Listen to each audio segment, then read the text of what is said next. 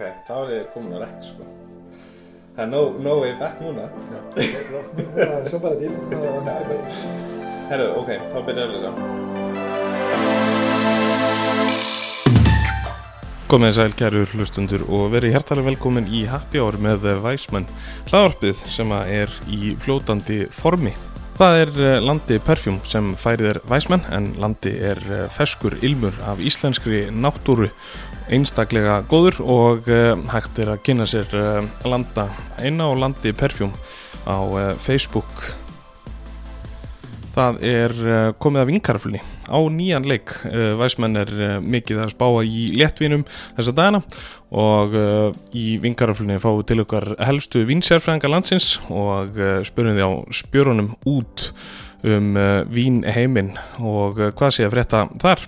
Við ætlum að halda okkur í uh, Fraklandi að mestu í þessum þætti. Minna á að á uh, heimasíðu Væsmenn, væsmenn.is er hægt að lesa meira um þættina í Happy Hour sem og fróðleik um vegar í fljótandi formi. Happy Hour má nálgast á Instagram og hveti ykkur til að skrá okkur í Happy Hour grúpuna inn á Facebook. Svo er Væsmenn auðvitað líka inn á Facebook og Instagram ef þið viljið fylgja mér persónulega. En áður um við byrjum þetta, þá ætlum ég að hveti ykkur til að eh, drekka til að njóta fyrir ekkar en að drekka til að gleyma. Það er bara svo miklu, miklu skemmtilegra.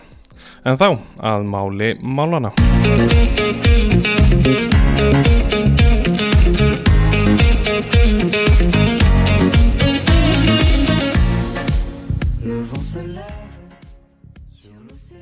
Í ljósið þess að útlitið sé svart fyrir utanlandsferðir á næstunni er nöðsilegt að eh, grípa til annara ráða.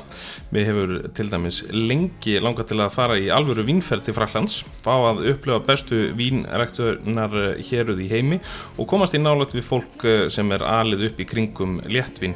Til að komast næst þessari tilminningu fekk ég til minn í þennan þátt eh, Stefan Aubergy eða bara Steppi Franski eins og ég og margir kalla hann. Er einstaklega vel liðin maður í veitingagerunum á Íslandi og uh, höfum við átt skemmtilega samræðum um uh, vín í gegnum árin. Hann er einhverju dag fyrirtæki Vínegran og flytur inn hákjaða vín og síter frá Fraklandi sem uh, meðal annars má nálgast í ríkinu. Við ætlum að kynnast Steppa í þessum þætti, komast að því hvernig hann endaði á Íslandi og svo auðvitað spjalla um góða, góð vín frá Fraklandi og vín heimjum bara. Steppi, ertu hérþanna velkomin í Happy Hour? Já, takk fyrir, gaman að vera hér. Það þekki ég. Ég er hérna vennilega að rósa locationu að ég er náttúrulega svona farans podcastari, sko. Þannig að ég fer svona hingað og þangað. Við erum náttúrulega, vil þú kannski bara segja hvað þetta Já, sko, við erum fyrst og fremst hérna hjá Sandholt bakarínu, Já, en við erum sagt í skristofu húsnæði þeirra já, og hérna sem er eitt af þessum gumlu húsum í, í Reykjavík Já. og það er hægt að fá fríð og líka hérna smá veitingar fyrir okkur já, bara hér. Eh, Hérna, en já, Sandholt bakarí er á lögaveginum og hérna það er ágætis samstarf á milli okkar Já. sem við verið að tengjast okkur hérna Ásgeir og, og, og Lísa sem er að vinna með honum Já, og hérna allt sem snúast í gegnum hérna í kringum brögð og samsetning og minning Einmitt. og hérna já, bara gaman að vera hér eitthvað svona gamalt og, og ljúft og, það er, Miðbænum. það er sálís húsum, það það strax, sko. já, já, En hérna, uh, klúðraði svo alveg í byrjun með að, að hérna, segja nafnið þetta rétt, eða? Hvernig myndi já maður segja þetta? Stefan Stefan? Aubergy Aubergy. Já, Aubergy Aubergy. já, já. ok. það kemur kannski frá í, í, Ítalju fyrir langa, langa, langa lungu Já, já. 16. öld Ok. og hérna, já, fjölskyldan var að flýja hérna, hérna trúar hérna stríð þá sko og lendum við í Marseille Nú og, og, og nafni bendir til þess að hérna, fjölskyld, fjölskyldan var í einhvers konar hérna eh, veitingahúsa hérna hótelrekstri hérna, ok. og beðas albergis eitthvað Já, svona, já, já. Magna. Já, já, og gaman að, að vera kannski koma aftur í eitthvað svona vín Já, í dag sko, já. Þannig að þú, þetta er bara svolítið í blóðinu þá grilina. Já, en það er svona kannski 400 ár síðan veist það er hérna að, hérna, já, að þýna þetta vel Já, já, en þetta hlýtur að vera genandýrt. já, Það er já, bara já, já, Herðu, hérna, sko, byrjum að svona bara á, á byrjunni. Þú ert uh, frá Fraklandi. já. Uh, hvaðan, hérna, hvaðan ertu nákvæmlega? Svo ég er alin upp og fættur á alin upp í Burgundi Já, og hérna, en ekki vín sveinu, Burgundi er kannski maður hugsaður alltaf um vín hér að því já, já, og svo er þetta fyrst og fremst landbúnaðar hér að því já, já, og þetta vín, vín sem sagt trækt er hluta því. Já, og um, uh, já, fórðarnir mér voru bændur með kýr og kindur og, hérna svona á mjög gamaldags uh, mátum, vil ég segja. já, og hérna og allt tengdist alltaf svona nótkun og nýting nýtingu á jarfi og, og, og það sem natúran er að gefa. Ok, og, og það voru á þann tíma þó að þessi ekki, sko, þó að ég sé- ég sé ekki mjög, mjög gammal það var, það var hérna, mjög mikið í tísku í þessum sveitum að vera með vöruskipti og, og það var alltaf að vera að skipta einhverja hérna, vörur úr bóndabænum með, hérna, með einhverja tunnur frá vínbændum sem voru ekki mjög langt í burtu sko. já, þannig að já, hérna já, landbúnaðurinn hefur alltaf svona, hvað er að segja svona sótt svona imi og, Já, já. og þessi natúra og, og hérna og hérna, ég held að hérna það sem hefur gert að hérna, tengingin með vín og þetta öllu saman, kannski er svona orðið hérna terroir og, og þú veist þessi bara hérna enginni gérasins já, hefur mjög stert uh, til mín og, og Mhm. hérna, já En þegar þú talar sko einmitt þessi vöruskipti Þetta er náttúrulega eitthvað sem við þurfum bara að fara að taka upp aftur sko. Já, alveg klárið, klárið Þú veist, þetta þekkjum við mikið bara hérna á Íslandi með þess að í, í, í gamla dag sko, þegar menn voru að, að skipta já, alls já, konar. já, já, já, akkurat sko og hérna, að svo við vita hérna, það var náttúrulega ekki alltaf svona, Nei, nei, nei. veru skipti ekki allir sem eru tilbúinir í það og það þarf að vera með vörur vörur til þess. Já, já, já, en, en uh, það, það, það sem er sko í þessu er að menni voru alltaf að horfa fyrst og fremst á hérna á gæði ha, hvað fæ ég? Fyrir, svona ef ég er að bjóða upp á einhverja gott Mhm, þá fæ ég eitthvað gott, annars er ekki skemmtilegt og mhm, sem er kannski, maður er alltaf að fara eins í burtu frá því með bynningunum sko. mhm. en hérna já, stundum. Og sem, já, sem sagt ég er alveg upp þarna í einhverja já, sveitabæ. Já, og hérna við vorum hérna já bara einn bróðir og við vorum bara fjö, fjögur hérna, pappi, mamma og vorum hérna ég og hérna fyrst í nágræni bjóð eitthvað fjöra, fjara kilometra fjarlægð og allt í kringum okkur er bara eru ekrur, tún já, og svo skógur og svo þorpi sem er rétt hjá sem er já, fjöra, fjöra kilometra langt í burtu er kannski, já það voru hérna 250 manns. Já, ok. Allt í allt og í dag eru 125 manns. Og hérna, já, þetta er svona það sem hefur kallað kannski deyjandi sveitir. Mhm, það er hérna þetta er bara mjög hefbundin gammaldags landbúnaður, mhm, frekar fátækt Mm. og við erum svona rétt svona til að staðsetja betur þetta, við, við erum svona mitt á milli París og Lyon cirka uh, svona 100, 110 km vestan frá frá Bón sem er Mhm. hérna aðal hérna borg fyrir höfuborg uh, Vínhéras uh, Burgund Hva, hvað heitir, bara, Bón já, já, bón, já, já, einmitt. Bón, já. Mhm. Ekki Bön en ég meina eru allir hættir að segja það held ég. Já, en það er bara hérna- margir sem tengja við þetta af því að það stendur ofta á flöskun er ekki kótu bón til dæmis? Jú, jú, jú, jú, jú, jú, og það er alveg auðvitað Bón er hérna, hefur alltaf hefur verið sko í gegnum tíðina aðal viðskipta staðurinn fyrir, hérna, fyrir, fyrir vín Mhm. og er hluta fyrir hérna, vöru, þessar vín staðstetningar heiti já, já, fyrir, hérna, fyrir vín. Og sem sagði, já, ég var bara krakkið þarna í þessari sveit og svo er enlega, ég fór í hérna, heimavíst svona í Nevers eh, ekki Never, hérna Nevers, hérna þetta.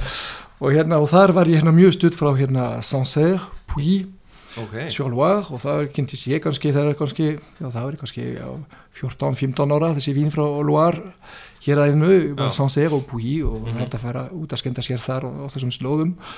Og, og eftir það þá fór ég nálagt að nær vín hér að til að hérna eftir studentpróf og hérna já, fór ég hérna fyrst í áskóla í Dijon Mhm, uh, og hérna í eitt ár. Og svo fór ég í vískitafræði í, hérna, í Chalon-sur-Saône sem er hérna áfram svona vín, þá er ég komin á vín slóðir og, Já, já. og það sem bara menn gera þegar maður er í háskólanum og í Fraklandi það er ekki að skemmtilegra að skipulegja hérna svona ferðir vínkjættara heimsóknir já, og hérna og, og hýta vínbændur og alltaf kannski skipleikja einn bílstjóra og svo bara er farið og, og kvöldin eða um helgar og, og þá byrjaði ég svona kannski já, um 20 ára, já 18 ára að hérna ok. að nálgast svona burgunda hér já. alveg kannski meira Ég sé það, ég ætla að alast þarna upp í næsta lífi Það er alveg klart já það er alveg hérna mjög, mjög skemmtilegt sko, en hérna já og þar byrjaði ég sagt, að, að,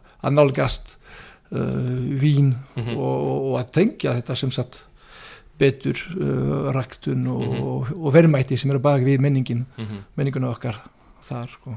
Mér svo, með þetta finnst mér svo áhugavert verðin að sko uh, menningin hér bara gagvart áfengjum drikkjum á Íslandi hún er svo allt, allt öðruvísi heldur en það sem þú ert að útskýra núna Já, náttúrulega fyrst og fremst er engin engin vínarækt Nei, nei, Já. nei, þá er búin að vera mikið svona vínberja rækt í gróðuhúsum í hverjargerði í kring hvað 1950 eitthvað og, já, og hérna þetta er allt svona til, til manneldis en ekki sem sagt til víngerðar. Einmitt.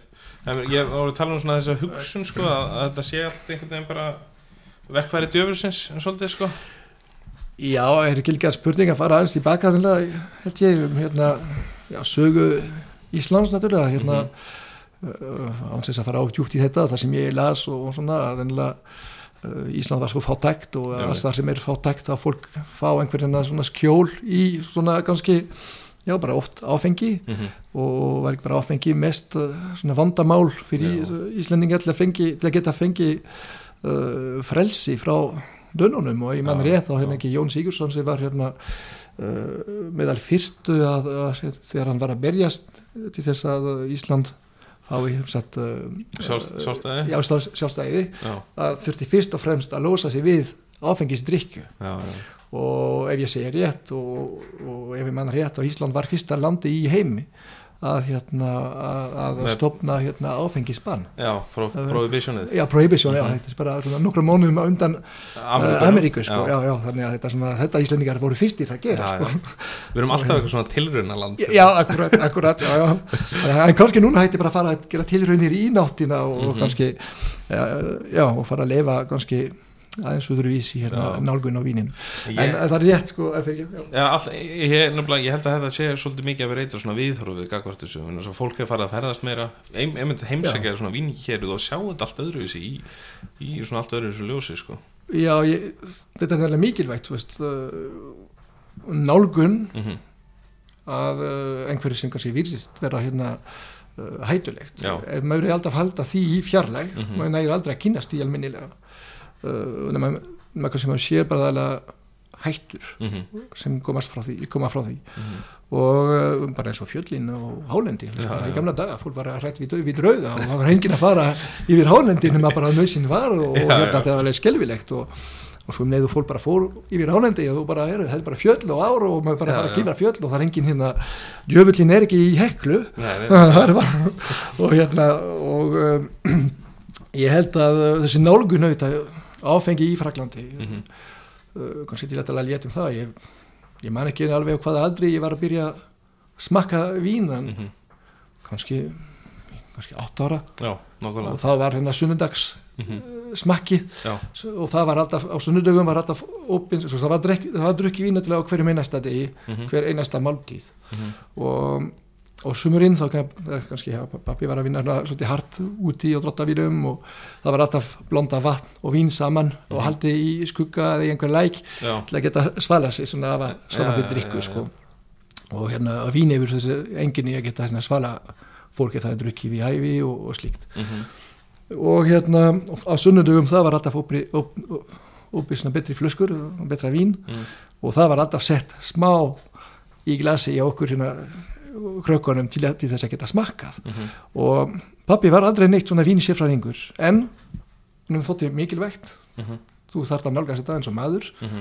þetta er eitthvað sem þú verður að tengja við bara Mhm. og bragði og, og hérna e, það sem þú borðar og, og slíkt Já, og þannig að þetta er ekki þetta er bara nálgun og við erum ekki að leita neitt svona að fá fólk til að drekka, að fengjast því að drekka Mhm. sem sagt til þess að í magni þetta er bara spurnum að nálgast bragði sem er mjög sérstakt sem er bara bragði af víninu og, og þetta er bara þjálfun Mhm. þannig sé sko. og já, ég held að það sé mjög algengt að börn 12 og- 12-14 ára fá kannski bara já, hálf glas einu sinni í viku ef það er eitthvað í einhverju tilfelli og, og aldrei án þess að vera með eitthvað aldrei án tilgangs og aldrei án sinni matar já, já, já. og ég held að sé aðal máli hér á Íslandi að hérna uh, já þegar ég kom fyrst í Íslands í langa lungu það var, ég man alveg þessi 50. 50. fyrstudag lög að það er bara alveg allt landið fyrir haus. Já, já, á já, og hérna er þannig. Og, um, og hérna þetta er að breytast, þetta er búið að breytast mikið. Að því að fólk er að horfa öðruvísi og já, þú séð sjálfur fólki fara að ferðast. Það búið að nálga svona það sem kallast menning. Einmitt. Og, og vínmenning alltaf, einhvern sagði við mig að það er ekki hægt að vera með vínmenningu á Íslandi að því að það er engin vínrækt. Mm og auðvitað er engin vínheimur en vínheimur hann getur komið og hann margir að vinna með það að flytja inn vín og, og, og, hérna, og það er líkilatriði til að gera það vel sko. mm og maður hefur veit séð sko að, að þetta er þú veist það er miklu meiri sala í, í gæðavínum og fólk hefur farið að leggja meira uh, áherslu á að, að kynna sér hlutina svolítið í dag. Já sko það er tvent í þessu. Eða sko burt sé frá hérna frá þessu hérna, hérna ástandi sem er búið að vera núna Já, já, vera í, já. ár sko þar sem fólk er að ferðast og auðvitað er fólk sem vil borða vel og gott þegar maður Mhm. sér, er kannski að lifa sér að, að drikka betri vín já, ég held að hérna uh, fólk er búið að er, búið að er byrjað að gera kröfur Mhm. um hvað það drekkur og, og það er mjög jákvæð þróun sem er búin að vera það er líka frábær hérna tækifæri til að kynna sér nývín fullt af vínnámskeiðum mm og, og já, þú nefndir áðan hérna hérna handa mín Dominík Bledel sem var með víns, vínskólin einmitt, einmitt. vínskólanum og hefur verið mikið að, að hérna og í gegnum tíðina sko hérna og hefur verið mikið að setja áherslu um um fræðslu hérna, og, um, já, fræðslu, já, fræðslu og Mhm. hérna og svo náttúrulega podcast og, Já, podcast með það er stórkostlega það sem ég meina er hérna það sem menn þurfa að gera bara eins og þú veit að gera akkurat í dag er að koma að því að fólk hefur kannski ekki alltaf tækif, tækifæri til að ferðast út er að Já. fá minninguna hingað mm gera það vel og auðvitað síðan en ekki síst það sem fólk þarf að gera sjálft og við getum ekki gert fyrir þá er Mhm. að lefa sér að læra að drekka eitthvað nýtt -hmm. og hlust, hlusta þá sem vita betur kannski eru komin, lengra í reynslunni já, já, og til að hérna að leifa sér að prófa. Bara ekki að kaupa alltaf sömu hérna flösku sem er að því hún er 14% í já, sko alltaf á svona stað. Og hérna nei, nei, og svo náttúrulega er búin að breytast mikið í vínbúðunum, það má Mhm. kannski líka segja það og svo að átjáfer er búið að vera mjög mikið umdelt uh, mér finnst það fyrir mig sem hefur verið með svona kannski frekar að líti fyrirtæki uh, mér finnst mikilvægt að það, þeir eru alltaf til staðar mm og tryggja til þess að vandi nánast ekkert eða ekki mikið í úrvalinu -hmm. og reglunar eru eins og þær eru það er mjög floknar í átjáfer og slikki vínbúðunum en þeir eru samt með útlendingar koma til Íslands og vínframlendur koma og fara, við förum með það í emsótt í vínbúðir Mhm. þeir eru bara svo hissa Aha. að sjá hvað úrvali er mikið Mhm. og, hérna, og sem er rétt fyrir þess að 350.000 manna þjóð já, Já, og hérna við erum alveg spáild sko.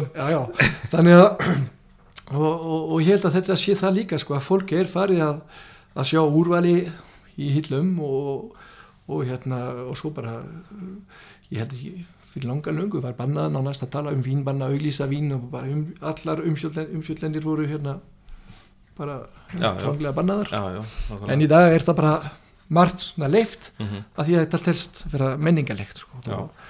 Og, held að, að hérna, en það er ekkert sem kemur betur en þjálfun Mhm. uh, hérna, satt, einstaklingarna þú veist algjörlega, mér finnst alltaf sko, við erum bara saman hvað ég drekk og borða mér alltaf uh, vill ég sko, fræðast aðeins og kynnast því sem, a, sem að maður er með í glasi eða á disk sko. vita aðeins um, um hvað ræðir sko. já. Það má þakka þar kannski veitingamenn líka því að já, hérna, já, sko bara uh, flóran í veitingabransanum er mjög breið líka. Mhm, og uh, ég held að, mér finnst það að vera breyting, mikil breyting eftir að túrismi svona sprakk í kring já, 2010 uh, það voru ekki bara íslendingar að fara út, voru að fara Mhm. út að borða fullt af útlendingum sem voru að gera mikið meiri kröfur já. um gæða og, og sem sagt samsetning. Mhm. Hérna, uh, vín og mat og veitingahús Ja, algjörlega. Og allt í náttúrulega fóru að, að fá inn bara fullt af fólki sem að kunni, hlut, kunni miklu meira en, en, en hérna, jafnvel fagmenni sko.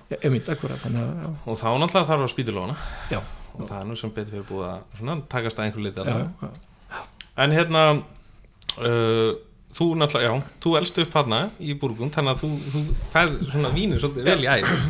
Já, já, já, já, hérna en samt alltaf rosalega hérna akkurat, að kalla mig hérna eh, steppi frakki já.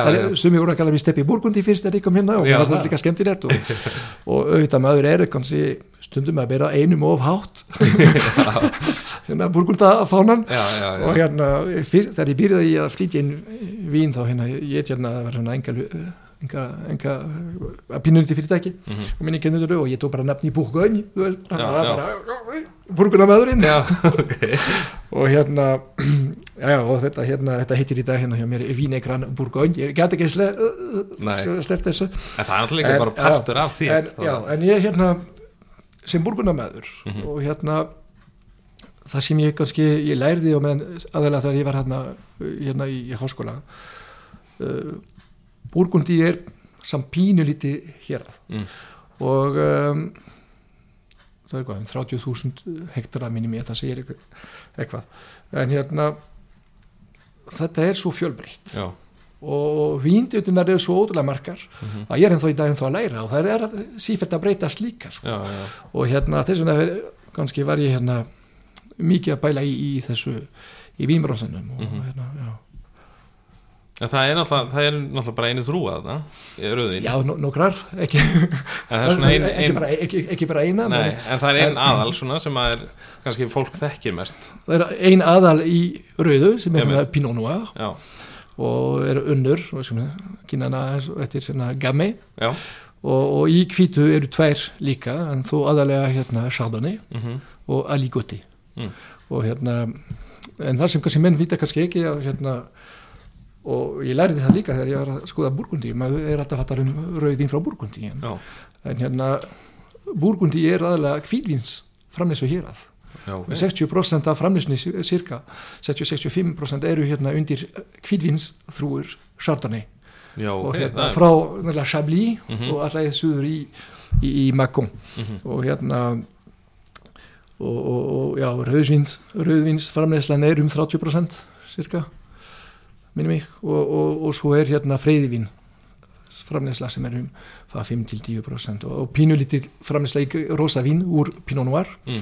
en já, þetta er sem sagt uh, þessa örfáar þrúur og, og sem ger það líka að verki að fólk kannski getur verið með hérna fordóma, gætnar Mhm. Burgundi og hérna, þegar ég byrjaði ég, menn það, hérna, ég var að kýna vín einu sinni í fríuptinni og, og hérna var að segja að þetta var inn frá Burgundi og fólk var að spyrja hvaða þrúa er þetta? Ég, Já, já. þetta er Chardonnay.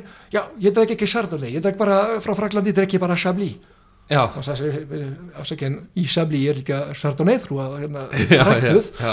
Nei, það getur ekki verið, Chablis er Chablis, ég er Chardonnay frá, ég get, get ekki drukkið Chardonnay, ég er hóna mér fyrir því. Og, Já, og þeir, þannig að fattaði þetta var kannski ekki 2004-2005 já. og maður fattaði hvað leiðin var löng Mhm, fyrir suma sem akkurat, það þurfti bara að vinna frá grunni. Mhm. Og, og kynna þetta. Og alveg eins með Pinot Noir, bara smaka hérna Pinot Noir, uh, Bourgogne, vín frá hérna kannski Suðurburgundi Já, og, og bera saman við hérna Grand Cru frá hérna, eh, hérna Gevrey Chambertin eitthvað þannig. Já, þá er bara dagur að nótt sko. Og hans þess að fara hérna millikar gæðamunur, er bara, bara munurinn þegar jarðvegurinn er öðruvísi og, mhm, og það er svo marg sem gerist þar inn og, og, og hérna það bladar mann, þetta er mikið sko. og, og krefst hérna eh, krefst ílöngun hjá fólkinu um, um að læra sko.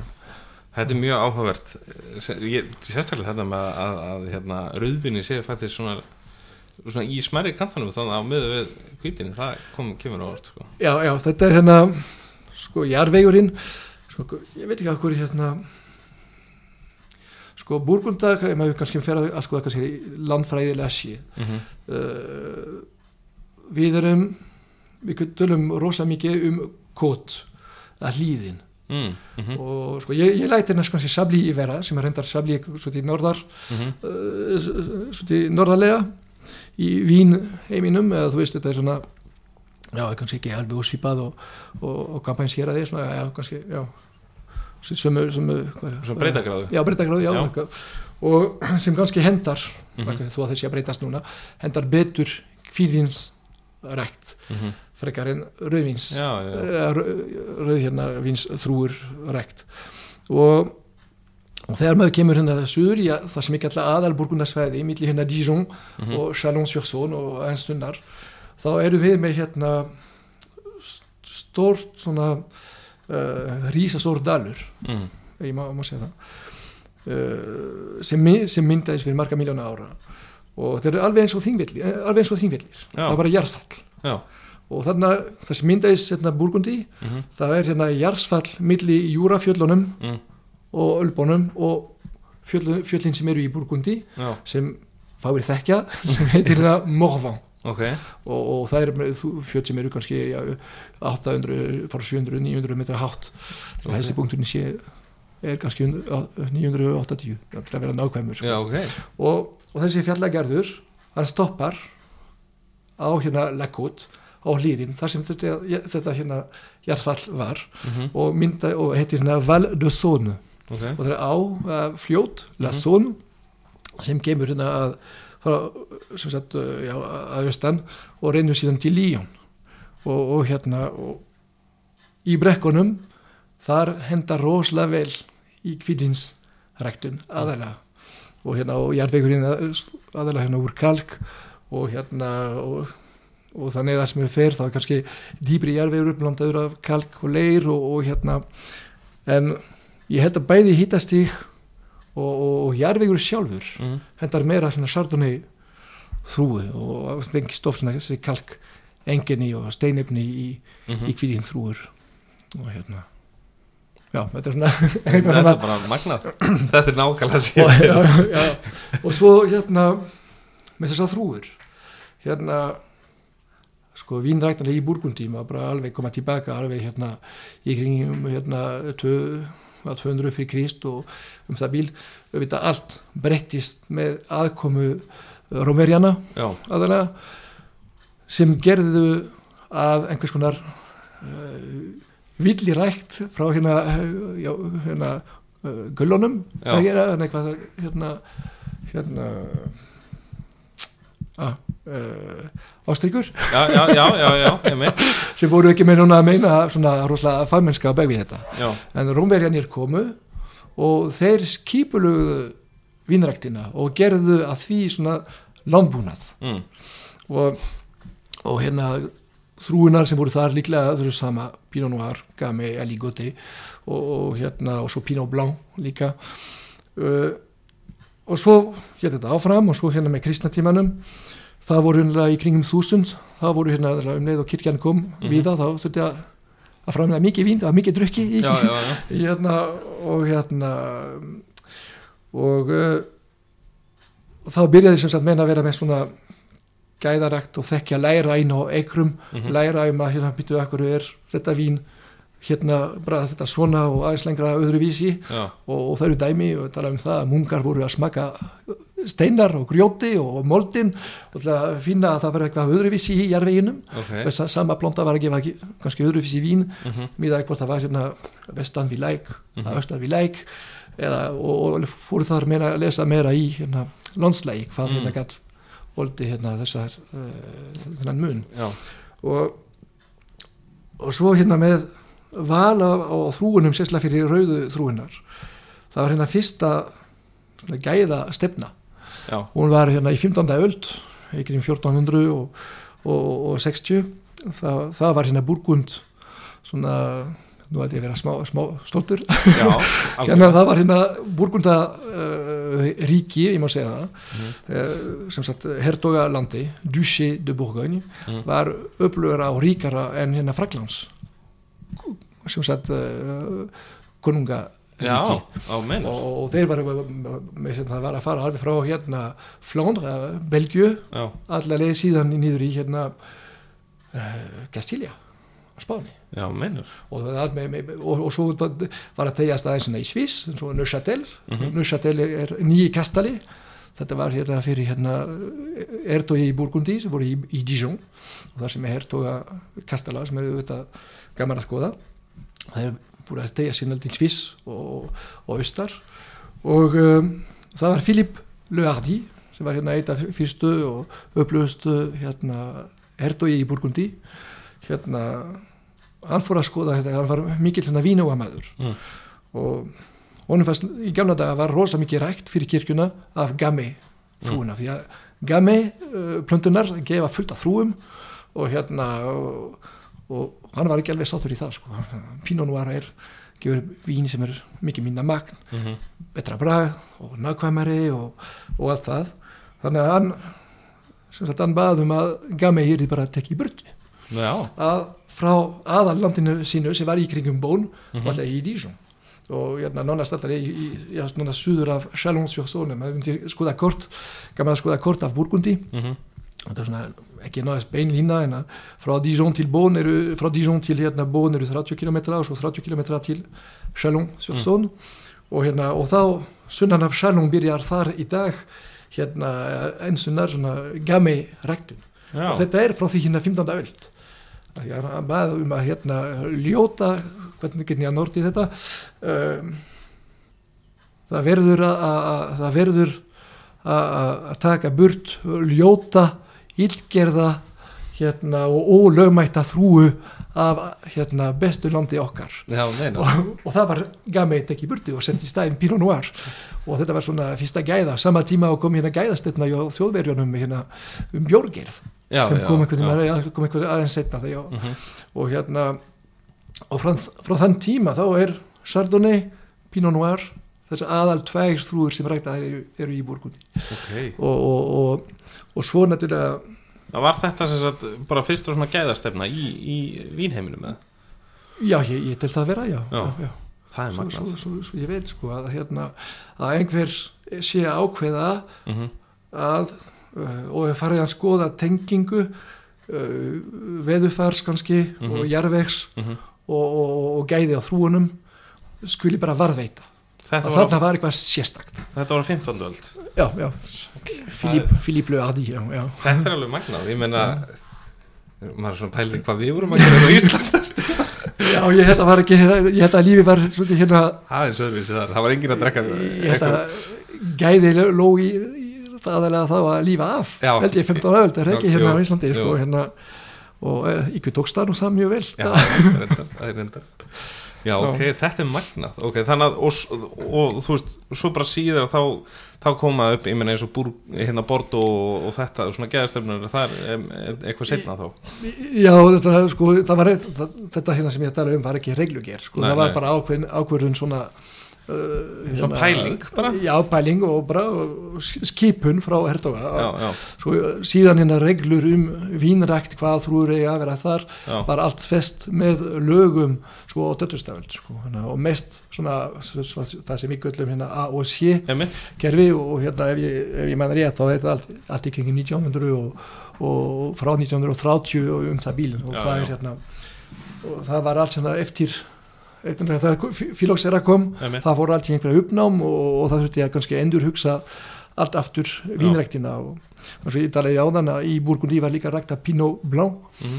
og hérna og uh, kalla líka hérna Blanc Vrai.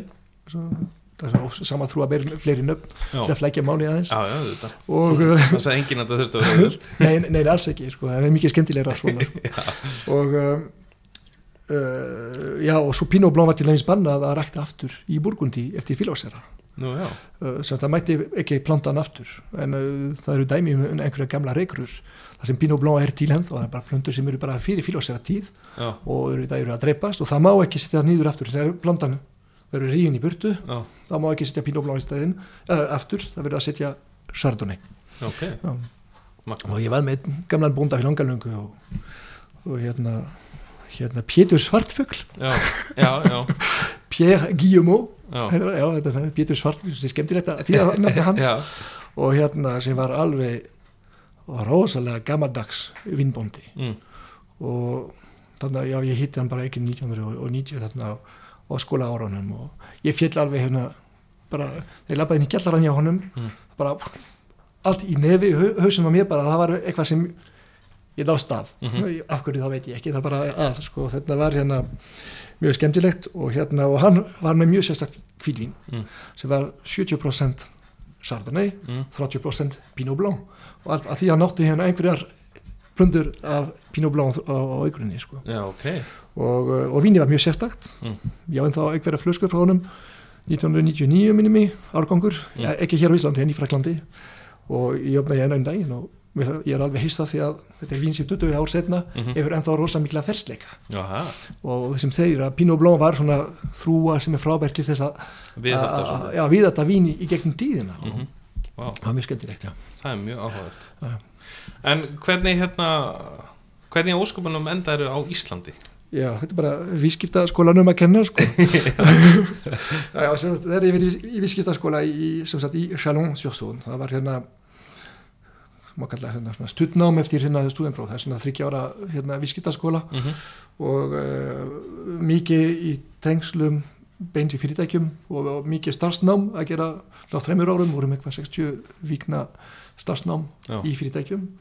Og meðal annars þáttum við að gera hérna starf, starfsnám erlendis. Já, og ég ætla að reyna að gera þetta stutt. Og ég hef lært þísku í 15 ár og var mjög leiður í, í, í, í þísku eitthvað minn bara frakkar að væri að læra þísku stundum. Og, og ég var sendur í Þískalandi til Þískalands að læra þísku og sumar, sumar mánuðum og hitti ég þar bara Íslendinga og, og sem voru í alveg eins og ég lélegir í hensku og já, í, í þísku minni Þannig að, og það var bara, það var frábært viður, við vorum þarna í Mainz og hérna þá við ákveðum bara að sleppa að fara í þýsku tímum í þessum sumarskóla og fórum frekar að læra um að drekka þýskan bjór mm. og bonda þýskan bjór. Ja.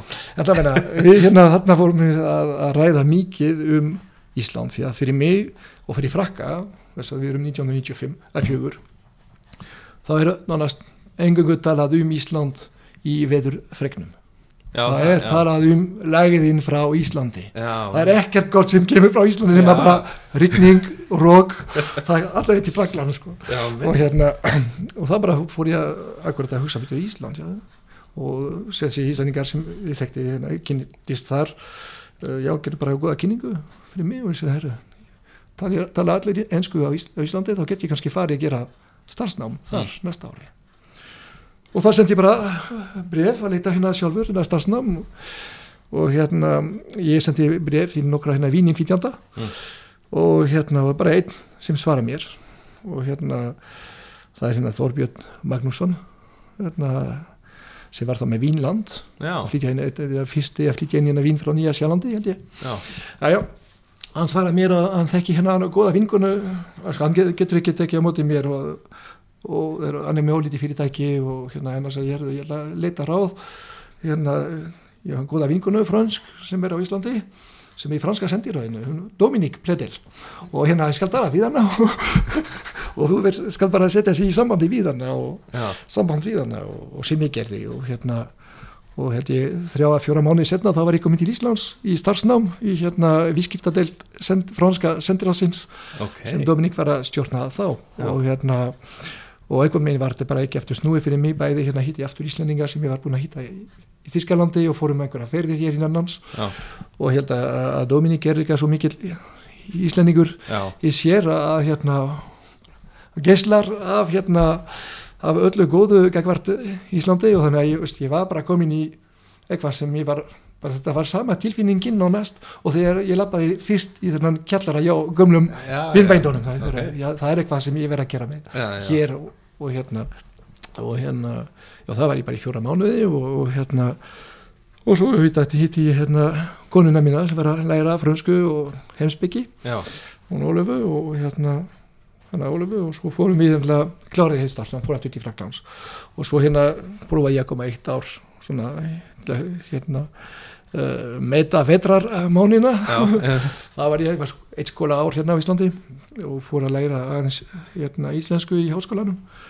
Og, og það var, var allstaðar sem ég, sem ég var, það fannst mér bara frábært hvað fólk var, veist, bara opið. Já, og, og, opið og hjálplegt og vildi alltaf, all, það vildu alltaf allir gera allt fyrir mann. Og, og það er skemm, mjög skemmtileg svona uh, það sem skiptir mér líka og skiptir held ég máli og kannski tölum aftur um það í- því víni uh, mannleg samskipti og mannleg gildi. Mhm, það, það, það skiptir máli hvernig þú ert að haga þér og, og hérna og já, þetta var ekki aftur snúið þá ákveði bara, þurfti ég að fara aftur til Fraklands já, gera herna, hérna, fara í herin og slikt sem var skilda þá.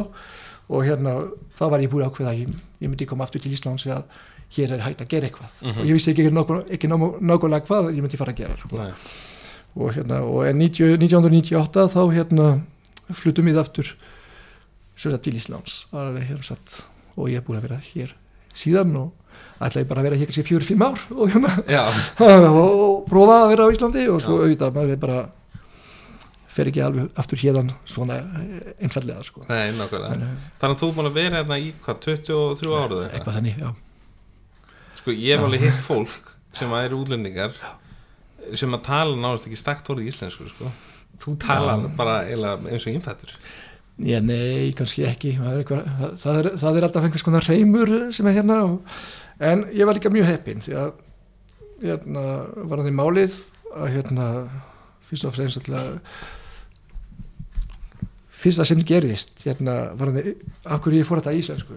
Það var hérna þegar ég var hérna þetta skóla ár Já, og hérna þá var ég sem sagt að lesa lítla smáglýsingar að lita gömlum bíl að geta ferðast um og svona og og bara ringi ég et simtal og byrjaði á íslensku að kynna mig og eh, bara er að leta bíl eh, ég kann ekki íslensku eh, ætla fram að tala en ensku.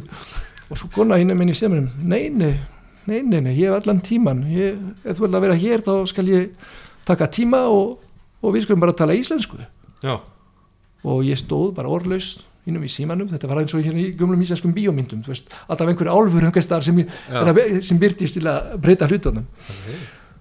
Það er, ég var ekki kannski hálftíma í símanum með þessa konu og ég fór að dra, ég gefti ekki bílinn hvað sem er en veist, ég skellti á skellti á þá hérna þá breyttist eitthvað. Ha, þá fór ég á fætur daginn eftir og svo herra, nú þegar ég fer í einhverja búð eitthvað starf, þá nota ég ekki enskuna lengur. Já, og annarkvort tala ég íslensku eða tala ég ekki neitt. Já, já, og þú, þú sér, ég tala kannski frekar mikið. Já, já, það er hérna, Það er samt pointið með podcastið Já, og þetta var kannski akkurat, þetta, þetta var kannski fyrsta svona sem gerist gagvart íslenskuna svo hvernig ég var, hvernig var að taka á móti mér í háskólanum Já, og ég var skráður til að mér langaði að hérna að gera, það var hægt að gera hernám en her hérna hvað kallar það. Herþjónustu, já, herskildu uh, í einhverja fyrirtækjum og, og, og þá og þann tíma voru einhverju frönski fyrirtæki að reyna að hugsa um að koma sér á íslensku markaði og ég var að reyna að segja um það Mm. og það er um frest og ég var að vera ég hér og, og ég var búin að skrá mig í vískiptadel háskólans og ég fór það í tíma og bara skildi bara ekki bauð, það var kynnt á íslensku og, Já. og, og þú bara háskólan á maður bara, það fyrir, það fyrir rætt og maður bara að skrifa uh, uh, hvað, það fara ekki hérna ekki glósu þannig sé, svo bara að tala og maður bara að skrifa niður og, og læra, það ég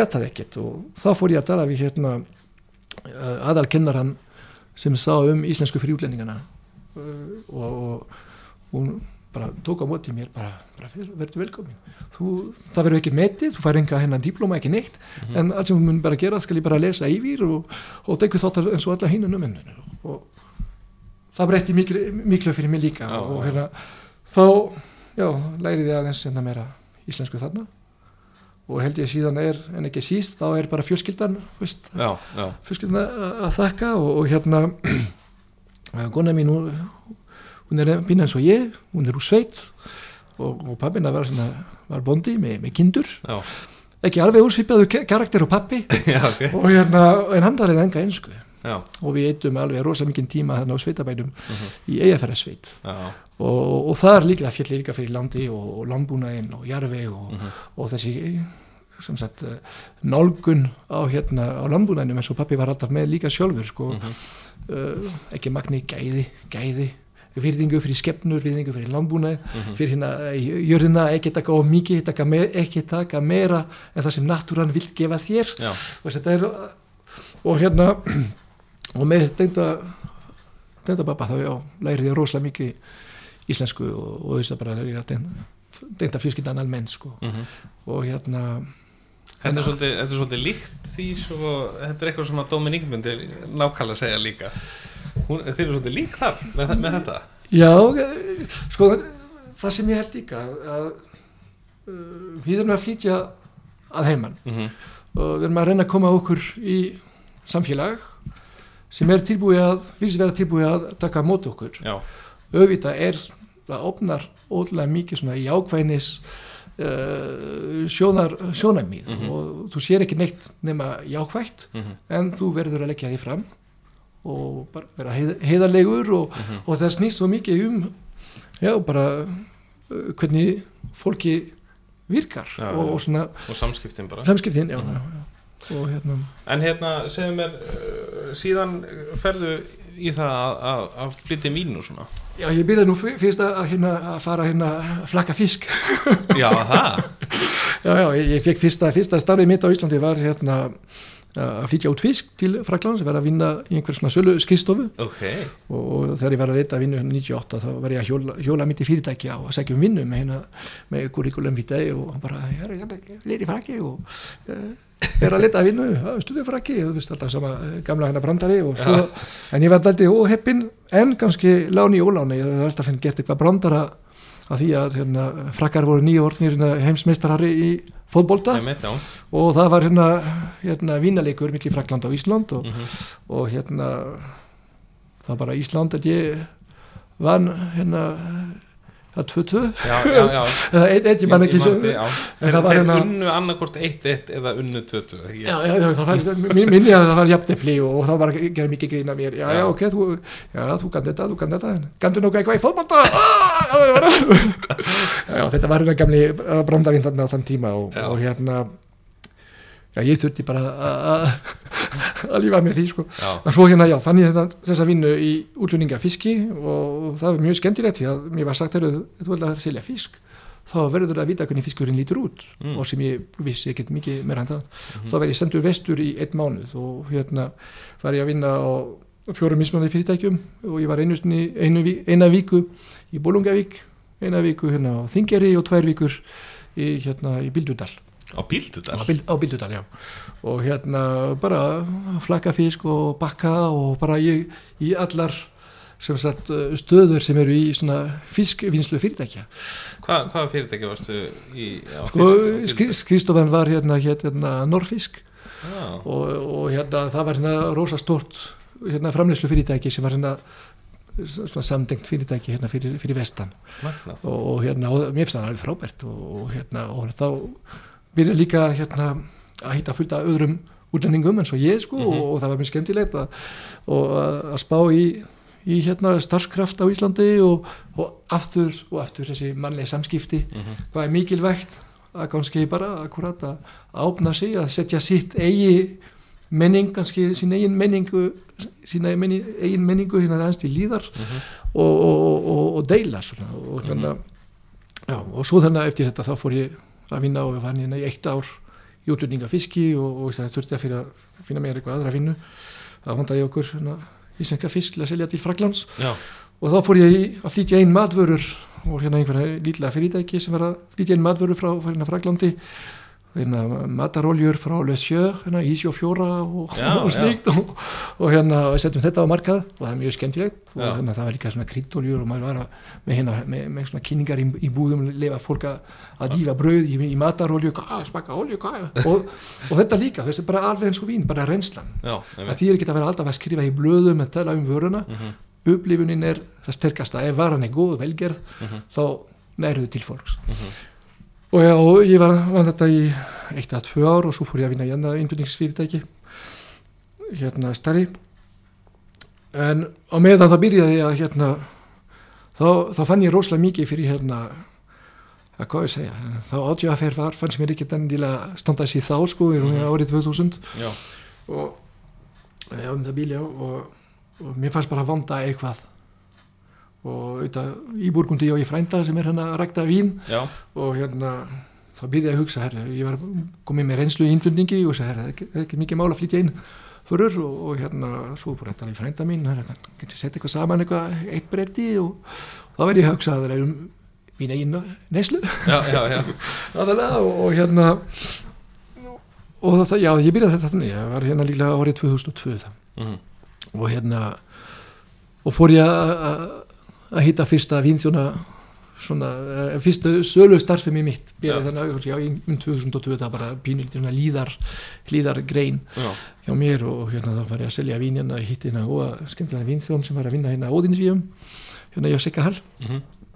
og hérna og það var ég að selja vel hérna Magong kvítin frá frænda mínum og, og hérna það gekk bara mjög vel og ég átti ekki margar degundir þá en hérna kannski 5-6 tegundir af kvíninni frá frænda mínum og Já. ég var akkurat að reyna að finna út hvað var að ganga upp og, og svo smá saman þá þessi vín heimunum var að kalla meira og meira á mig og, Mhm. og ég sagði, herru, ég getur sér bara og salan á veitingahúsum var að stæka og þá byrjaði að setja eitthvað í, í átvíðafer og það gekk bara vel og, og hérna og smá saman byrjaði að smakka á svona uh, svona frelsi í vinnunni það var að mín eigin hérna, Eigin herra. já, mín eigin herra sko og, og það var ekki aftur snúi þá Mhm. hérna stofnaði mitt fyrirtæki og svo hengar þetta fyrir 2005 og, og hérna bæði frelsi og uh, hérna og, og, og ófrelsi ja, það var bara, maður gæti ekkert farið sko í, í frí í Mhm. Fraklands og við vorum alltaf að fara fjölskyldan alveg hérna stundum bara 5-6 vikur í senn og maður alltaf að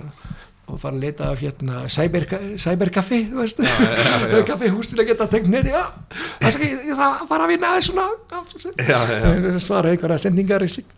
En hérna já og það var ekki aftur snúi og, og, og byrjaði að fjölga hjá mér stamstarfi við hérna vín, vínhúsum já, og, já. og allt sem gerðist í raun og veru öll vínhúsin kannski nema eitt sem ég fór að vinna með. Það voru allt mjög sterklegar uh, svona uh, að urðu að minnst úr því hérna vináttu. Mhm, og, og það tengist allt svona manni samskipti mhm. hérna, ég var að byrja að vinna með hérna Pujol, þá held ég var mjög lítið úrval af lífrænum vínum á Íslandi. Mhm. og við vorum þetta akkurat þarna í, í hérna Pujol er í frönsku Katalóniu síst í Fraklandi rétt hjá Perpignan, landamæri við Spán norðan af Barcelona, Barcelona. Og við vorum í sumafrí, vorum að leita rosavína meðan við vorum þarna í sumafrí og hérna, en vinnur okkar sér herðu, hérna, sýsti mín þekkir einhvern vinnbónda hana, við getum kannski skoða hjá hann og þannig fyrir maður til Pujol og rétt að kaupa rosavín mhm, en í staðilega hérna finna rosavín þá finnum vinnbónda sem telur, sem tekur okkur inn í kjallarann sinn. Og við sitjum þar í þrjá tíma Já, og, ok. og, en st- strax frá uppafi vissum að hann var ekki með rosavín nema fyrir einn neslu hérna, þá segir hann já ég er ekki með að bara fyrir okkur. Og, en ég gerði það hérna rauðvín og allt er lífrænt og bla bla bla og svo gerði ég líka styrkvín og það, við vorum alveg í þrjá tíma að smakka endarjust Mm. og ekki endarjust, það var mjög mikið tegundum. Og þar, eftir þetta þá fór ég til fórum heim aftur til Íslands og bara hugsa herri, það var snortinn og Mhm. ég verði endilega að prófa að gera eitthvað með þetta sko. Mhm. og, og samband sem byggðist með hérna Pujol var alveg frábært og, og svo var hann líka svona hugmyndaríkur og já, við vorum með einu sinni hérna vínpressu hátíð á. Íslandi hérna, við skulum tala um þetta kannski eftir vetur en hérna, já og svo hérna allir hinn, í vínframlendur var eitthvað með bara eitthvað sem bendir á þetta, þetta og, og svo maður smakkar eitthvað og hitti fólk og, og ég myndi ekki vilja að vinna með kannski fólk sem hefur engi, enga á að vinna með mér að, mhm, mhm. sem við horfum kannski í Ísland sem kannski eitthvað ekki þess virði að vinna með Já, sko. já. Þannig að þú hefur svona farið og heimsótt og þekkt og, og svona, þetta er miklu meira svona persóna tengsla á bakvið þessu örumerki sem, að, sem þú hefur að flytja inn. já, já og hérna móttói kannski hjá mér var ég verði alltaf fyrir það líka að uh, að vinna með svona, nú er alltaf talað um hérna beint frá bonda, beint frá bíli. Eða og, mitt, já. og ég hef alltaf sett áherslu að reyna að vinna sem mest með vinnbændur Mhm, vinnbændum og að því að þegar þú er með spurningu vinnbóndinn hann getur alltaf svarað. Já, já, því hann, þe hann þekkir alla pöndunar allar reikrunar rosalega vel. Mhm. og að byrja akkur er þessi árgangur bara svona? Já, herðu, í árið við þurft að gera víni aðeins öðruvísi það var of heitt, já. of þroskjað þannig að ég byrjaði að taka einhverja þrúur mhm, svona ekki alveg Já, já. það var græ- grænar til að hauka sírusti og þess vegna er karakter öðruvísi frá því fyrra frábröði og, mhm, en með negosjant með stórt hús mhm, þú veit, að tala við sölufólk mhm.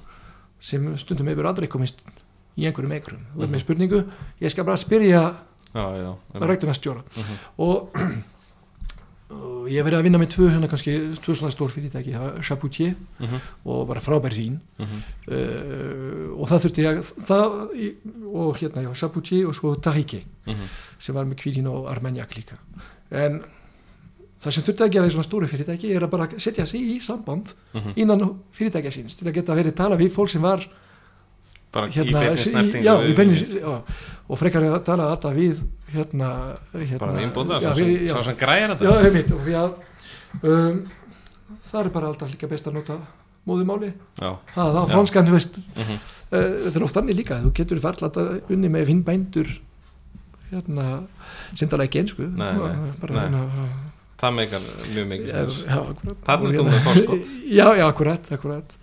Og, og ég hef ekki heldur verið hérna ég mætti kannski, ég ætti kannski ekkert að segja það en jú, Ég það ekki. er. Já, er það ekki? Jú. ég hef frelsi, sko. Nummer 1, 2 og 3 ég hef aldrei verið að velja vín samkvæmt einhverja blöðum Mhm, eða hérna víningum. Mhm, uh, það er mikið meira svona tilfinningar Mhm. tilfinningar, tilfinningaríkt. Og ef einhvern góðu vinnur uh, þín myndi segja heru, tala við hennan til að fá þetta og þetta. Og gera það og þú Mhm. treystir því alveg að það sé bara 100% mhm, og, og þetta hefur kannski gengið mikið þannig hjá mér. Mhm, og svo auðvitað fór ég margar síningar líka til að velja vínhús. Uh, en fyrstu fyrstu já, fyrstu tilfinningin er það er svona uh, reyna, eh, ekki dæma, hvernig að segja, svona meta já, hérna já, meta hérna gildi sem fólki er að gefa, mhm. gefa þeir svona.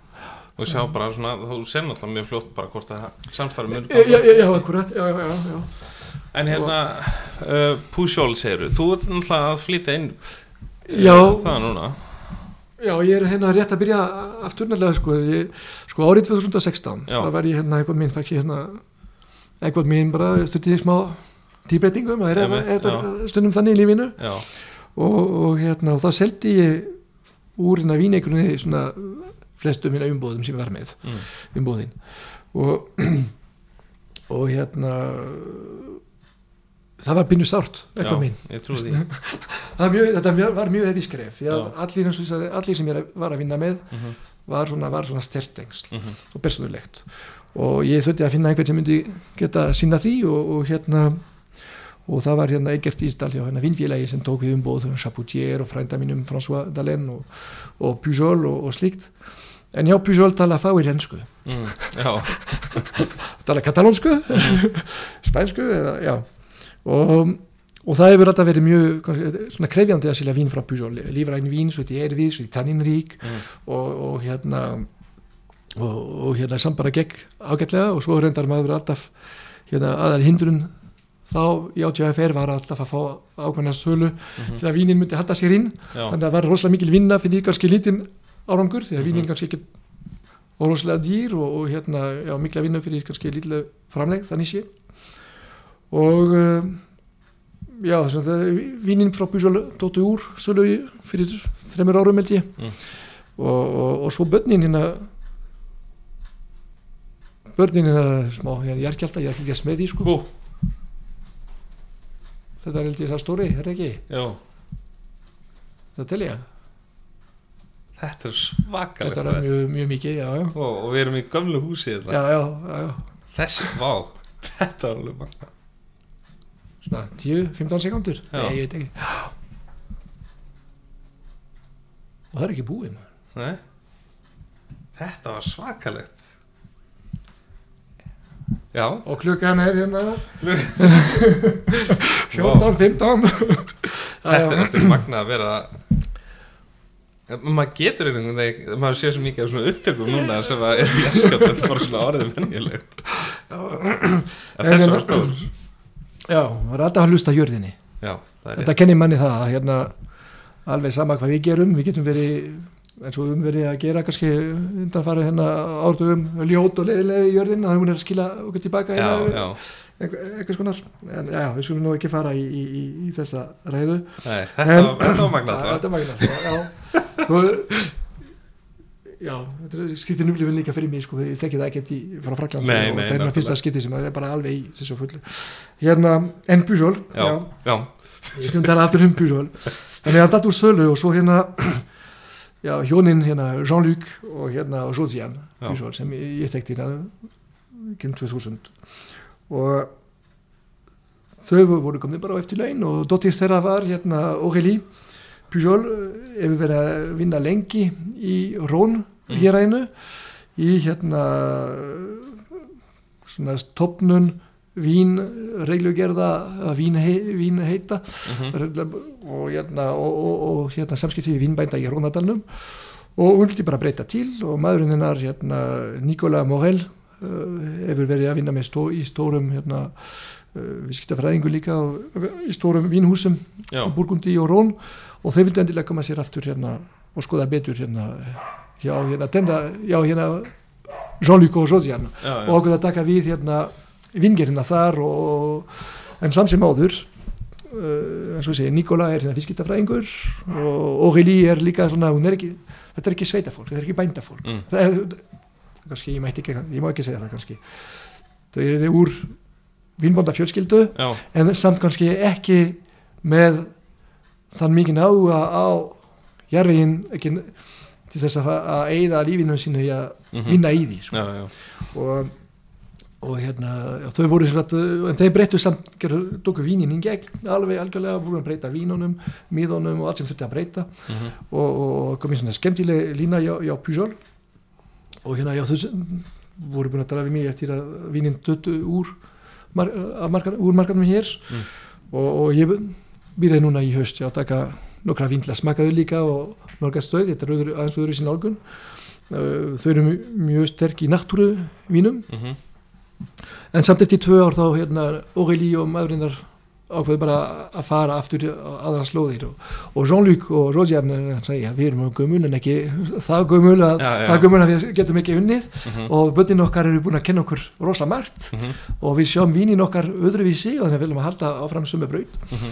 og hérna og, og, meðal annars með náttúru vínin það er bara reyndar eitt náttúru vín hjá þeim núna, rauðvín, hérna originell og, og hérna sem er sér sérböndun í átíða bara ekkert, sko, ekkert í búðum en þá Mhm. en hérna hitt sem er skemmtilegt að hérna bróðin hennar, hennar eða sonur Jean-Luc og Josiane, hann er hérna bóndi á staðnum, hann er svínabóndi. Nú já, Já, hann er að rækta hérna malonga svína tegund og sem er ekki alveg ósvipað og hérna nú er ég búin að gleyma orðið nafninu hérna frá, hérna frá Spáni. Þetta er hérna þetta eru svín sem eru með nánast eins og ull á kindunum. Og hérna og sem sagt kjöti, kjötafurðir úr þessum svínategundum lækkar kolesterol magni í blóði.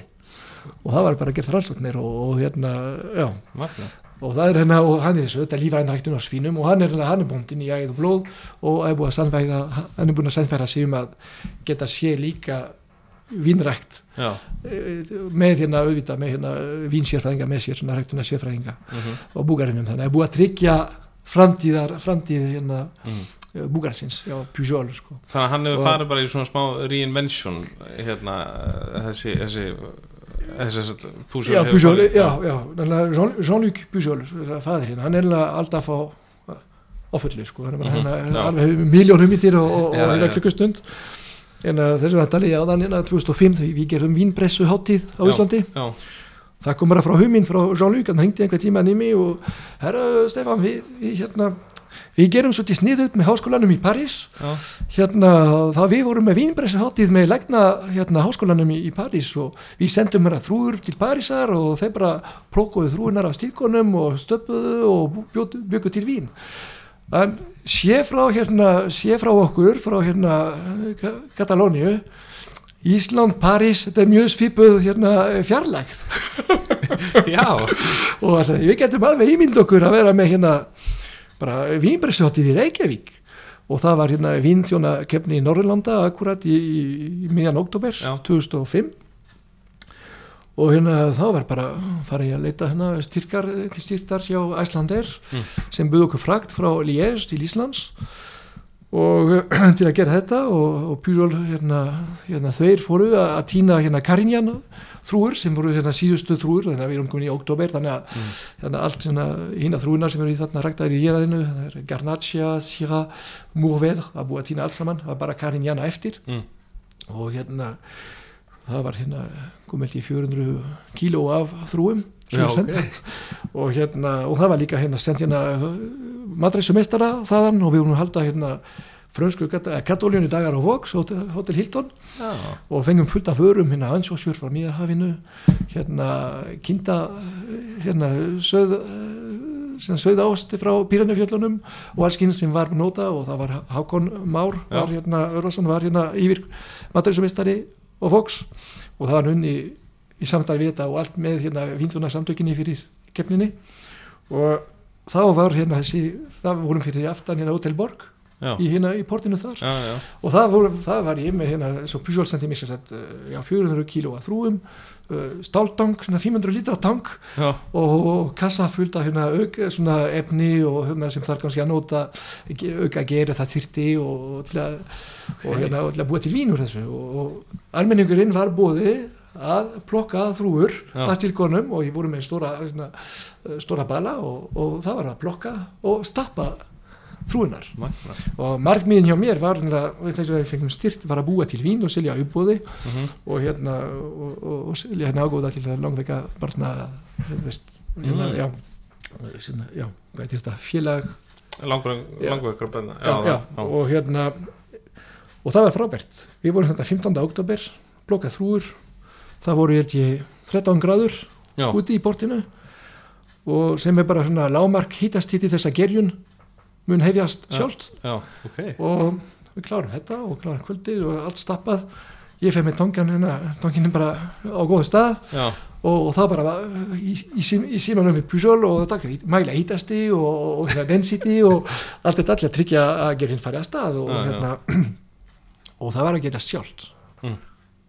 Á Íslandi Já, eh, í oktober það gerðinin var bara með sjálf, sjálfgrafa sko, satt, til þess að, vínberinn fara að gerjast veist, þeir, gerin, natúru gerin eru á nefnir og það maður akkurat er að stappa berinn þá hérna súrefni, safin og gerin eru koma í samband já, og það byrjar að gerjast. En það verður að vera lámart hittasti ok. En, og, og þannig já, og við hérna ég var í daglegu sambandi við Pujol og Mæla og, og að tryggja hvernar hérna og við skildum eftir einhverja stílkum líka í vínu en ég, þetta beði eitthvað einum og, langt hjá mér þannig ég fekk bara vín sem var rosalega sýruríkt, kraftmikið, rosa sýruríkt. Já, og hérna og, og, og það, það þurft að gera það sem er kallast hérna, setnigerjun eða malolaktík gerjun. Já, það sem hérna eblasýra er breytt í mjölkusýru þá Mhm. gerir oft fyrir vín mjúk og góð en það þarf bakterju til þess. Og ég var ekki með svona bakterju fyrir hendi. Mm. þannig ég er ennþá, ég er ennþá með flösku heima. Ég er tvær flöskur eftir að þessu víni. Og ég smakaði fyrir lang 6-7 mánuðin síðan. Já, það bara óti ekki hæft sko. Já. bara, já, það er gott til að hérna rensa eitthvað heima sko. já, og hérna en það versta í þessa sögu var hérna og það, það fatta ég hvað uh, menningin stundum uh, er, það eru margar hindranir á menningu Mhm. og það, það var hringt í mig frá lögreilunni og herra, við erum búin að frétta það að þú ert að framleiða vín og, en þú ert ekki með tindekta lefi Mm. og hérna við ætlum bara hérna býða um að bara henda þessu öllu saman annars við komum og, og gerum allt tildekt hjá þér og, og þú missir við innfyrningslefi í kjölfari og, og ég óskýra aftur fyrir þá hvað ég er að gera hvað tilgangurinn er, hversu mikið magn við erum með Mhm. og ég seti það fyrir aldrei mikið meira en kannski 200, 230 fjör, flöskur kannski og, og með gæði við vitum ekkert þannig, og það verður allt bóði sem við selta uppbóði Mm. og ágæða rennur í langveitbjörn og alveg sama, það vildi ekkert vita neitt Þannig að- ég sagði bara að já, já, þá bara skal ég bara farga öllu saman sem hérna, ég má jata þetta núna í dag hérna, langt síðan, já, ég fargaði þessu ekki neitt. Nei, sjálfsög ég, ekki. ég kláraði dæmi, það Pujol sendi mér líka flöskur og allt og Já. tæk og tól og hérna og ég setti bara þetta alveg á flösku og þetta var mjög skemmtilegt allt saman sko. Bara, já, og hérna og svo fór ég hérna að selja þetta það var hérna eitthvað mjög skemmtilegt og menninga, menningalegt hérna, menningalegur markaður í Mosfeldal já, og hérna og það fór ég bara með þetta alls saman. Og hérna hérna og markanum þar sum, sumari og eftir. Það vinni var búið að vera sagt, já, það var oktober kannski búið að vera kannski mánuðir Já. átta mánuðir á flösku. Já, og það bara, ég seti bara vínflöskunar á og svo satt bara hérna krukka við liðina og það bara frjáls hérna Framlegð. og við söfnum eitthvað hérna það var eitthvað 250.000 krónur sem við gátum affend já, langveg börn minni mig. Það var ekki, ekki mikið meira en þetta en það, það var ég geta að selja, það var bara þetta að borði. Já, og hérna fólk var að smaka þetta og segi, þetta er mjög spes, ekki beint gott Já. en þetta er frábært framtakt. Og það var bara til, tilbúin að gera eitthvað.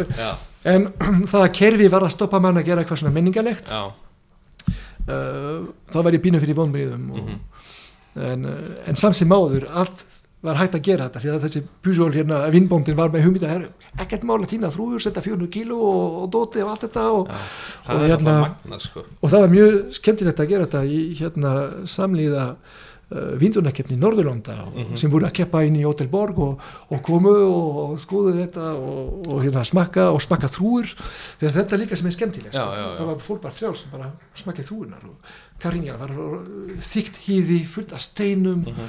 uh, hérna og, það var fullt þroska það var mikið hérna berjabra og sætt og hérna fólk skildi ekki hvernig gætt það verið allt í einu að rosalega síru ríki súru þetta er nefnilega en sem er svona góða punktur sko því að meina þú veist það var flestir smakkað bara vínber þessi eh, sem þú kaupir út í búð sko. En, en þetta er mynd að því þó þetta langar mér svo að gera, fara einhvern veginn og, og, og smakka bara hvernig smakkast sjartan í já, vínber. já, akkurat. Þetta er hérna þetta er mjög erfið bæling í raun og veru því að þetta er eins og, smakka mjólk já, og ost. Já, þar á milli gerist eitthvað mikilvægt efnabreitingu já, já, sem er hérna gerjunin. Og hérna já það er rosalega margt sem breytist í því efni, efnilega hvað efnifræðilega sé. Já, og hérna og ég held að sé bara bóndin og að vingera maðurinn. Veist, hann veit úr úr, úr hverju sem sagt, uh, hvernig að segja það hann veit í hvað það átt mm. -hmm. í bræði á þrúinni hvert það fer sko. mhm, og, og, og hérna þannig að þetta er svona grunnurinn sko, hann verður að gera það því að veist, uh, það eru fullt af tólum vinnbóndin er að lappa um mikrunar sko, og Mhm. bara skoða hvenar er blómstrun mhm, það eru bara í Burgundi sem það sé um það bíl bara 15. mæ fyrir kannski seinustu blundur frá, já, 10. 15. mæ og það veistu að hérna 100 dagar setna byrjar hérna uppskeran vinjulega já, og þá ertu fyrst að meita blómin stór mikið af þeim verður mikið af vinnberjum eða ekki mikið frást og slíkt. Og svo í, í, í hérna eftir það sem við kallum hérna la veraison að þegar hérna berin eru að, að stekka þá þá menn bara að koma og eru að skoða berin betur. Og svo síðan rétt fyrir uppskeru það menn eru alltaf að fara að smakka. Mhm, og það er líka alltaf svona síkurmæling sem menn gera. Síkurmælingin það er svona teknir, þetta er tekniatriði. Mhm, en smökkunin af vinnberinu, mhm, af vinnbóndanum það er bara þetta sem segir það eina rétta sko, hvað hva ég ætla að gera með þetta sko, já, í hvað átt ég er að fara sko, og hérna og þú, þú, set, þú veist að markaður innan vil þetta og þetta svona, svona, Mhm. svona það er alltaf plantan sem stjórnar því hvað þú átt það, hvað, það sem þú getur gert sko. mhm, og um, og hérna, já, við mennum Pujol sagði mér einhvern tímann hérna 80% af gæði vinsins hún er gerð a- fyrir uppskeru já, já, já, allt sem ég ætla að gera á eikrunni er það sem er ráðandi fyrir fyrir já, sko vingerðin, hún getur breytt miklu sko, mm Mhm. -hmm. nýja heimsvín var á þann tíma voru mikið gagrið það var ofgert í kjöllurunum mhm, en um, en vinnbóndin með því að bara smakka hann þekkir eikruna sinnar Mhm. hann veit hvernig hann veit nokkamlega í hvaða röð það þroskast á eikrunum hjá sér. Mhm, vinnbóndin veit það, en negosjánt hann veit það ekki. Mhm, hvað gerir negosjánt sem sagt að vinköps maður til að já. til vín í kjallarum hjá sér. Já, að hann köpir x tonn af þrúum eða x sem sagt uh, þúsund dýþurum af víni sko. já, já, og, og það er þess að það líka sem ég vil tala vinna við bændur sko, að ég vil fá bara svar "Hvað- gerðu það þarna? Já, já, já þetta smakast svona. Og þetta er þessi þrúa hún er í ár hún er, það vandar eitthvað í henni. Mhm, kannski vandar sætu, vandar þetta, vandar hýtt. Og frá þessu þá er hann bara endur hugsa kannski öll vingerð sem kemur eftir á, mhm, á haustin og, og, og, og, þroskun sko. mhm, og þetta er svona mjög þetta er margar pælingar. Já, um, já, Þetta, er, er er mjög, mjög áhugavert og í raun náttúrulega ákveð svona gæðakontról sem, sem að þú ert með. Já, já, já, það er það sko já. og þetta hérna uh, sko ég er alltaf að berja svona hausinn á og vekk sko, ég að segja það sko, ég standa alltaf í, með, í svona umræðu með marga. Auðvitað fór ég í vískiptaskóla og maður lærir eitt, maður lærir að bara kaupa, selja og bara mm -hmm. vískipti það sem mér finnst að vera hverfa með tímanum í vískiptum er þessi mannleg samskiptum Mhm, og, og gildi. Og mér finnst ég er að kaupa vín af vínbændum vínbóndinn hann er að gera til, hann er að búa til vín samkvæmt, það sem hann lærði á staðnum þar sem natúran er að gefa sér. Mhm. hann er ekki að hugsa um hvað markaðurinn vil mhm, hann er að hugsa að ég er að gera þessi vín. Þau eiga að vera svona. Mhm, Sen kem ég, ég köpi vín. Uh, ég er að velja vín hjá honum af því mér finnst bara hvernig hann er að vinna. Mhm, og það sem hann er að gera þá finnst mér gott og, og hérna uh, einstakt. Og það er þetta sem ég þarf að koma á framfari og kenna fólkinu að nálgast mhm, sem ég segja, nei, þú verður vínbændur verður að framlega vín en svo neytendur vilja fá mhm. og ég, ég er ekki, mér finnst það ekki er ég að Nei. ég vil að fólk læri að njóta þess og að nálgast mismun mhm. að þú veist, ef, ef hérna neytendur vilja fá Coca-Cola vín, þú veist bara sætt einfalt og Mhm. það myndi bara allir framleitur búa til eins vín Mhm. og það bara er bara ekkert spennandi sko. Nei, ég er bara svo samanlegar þetta er eins og til dæmis bara sko, ef við tökum bara uh, barþjóna sem búið til kóktela versus neytandan að ef allir barþjónar er að gera mosku mjúl já, skilur við, Einmitt. bara að markaðan vil það þá verður engin framþrón í kóktelum nákvæmlega og, og þannig að þú veist, þetta er alveg mjög svipað dæmi sko. já. bjórframleysla á Íslandi já, hún er mjög spennandi núna já, akkurat að því fólk er ekki að hlusta hvað neytendur vilja nei, nei. Hérna, með þess að súra bjóra til dæmis. Mm það, Þarna læri neytandinn að aðlaða sér uh, björgerðinni sko. og þannig er þetta átan alltaf að vera líka í vinni sko. já. Já, já. og þetta er hérna þetta er þetta sem er mikilvægt og, og, og fyrir mig sem frakki og, og um þegar ég byrjaði að flytja inn vín þá var, ákveði ég að vera engung að flytja inn vín frá Fræklandi Já, og margir sögðu við mig að bull í þér. Þetta er umulegt og þú getur ekki lífa á því. Mm. já, auðvitað þetta er mjög erfitt. Hérna en fyrir mig sem frakki Frakland er svo stort mhm, og, og hérna úrvali af víntýpum, þrúum og ræktum menningum þetta er svo ótrúlega mikið úrval Mhm. þetta dugar mér alveg. Mhm, til að hérna bara fyrir mig líka að nálgast því og, og, Já, já, já. og, deila, og deila því mhm, og hérna það eru margir innflytjendur á Íslandi. Flestir að gera rosalega góða hluti með vín frá öllum heiminum. Mhm, og ég held að sé kannski þetta líka sem er mjög jákvæð þróun hér þróun á Íslandi að, að hérna, þetta innflytjendur sé að flytja inn mikið betur inn. Já, í dag en var fyrir 15 ár síðan, Já, 20 ár síðan.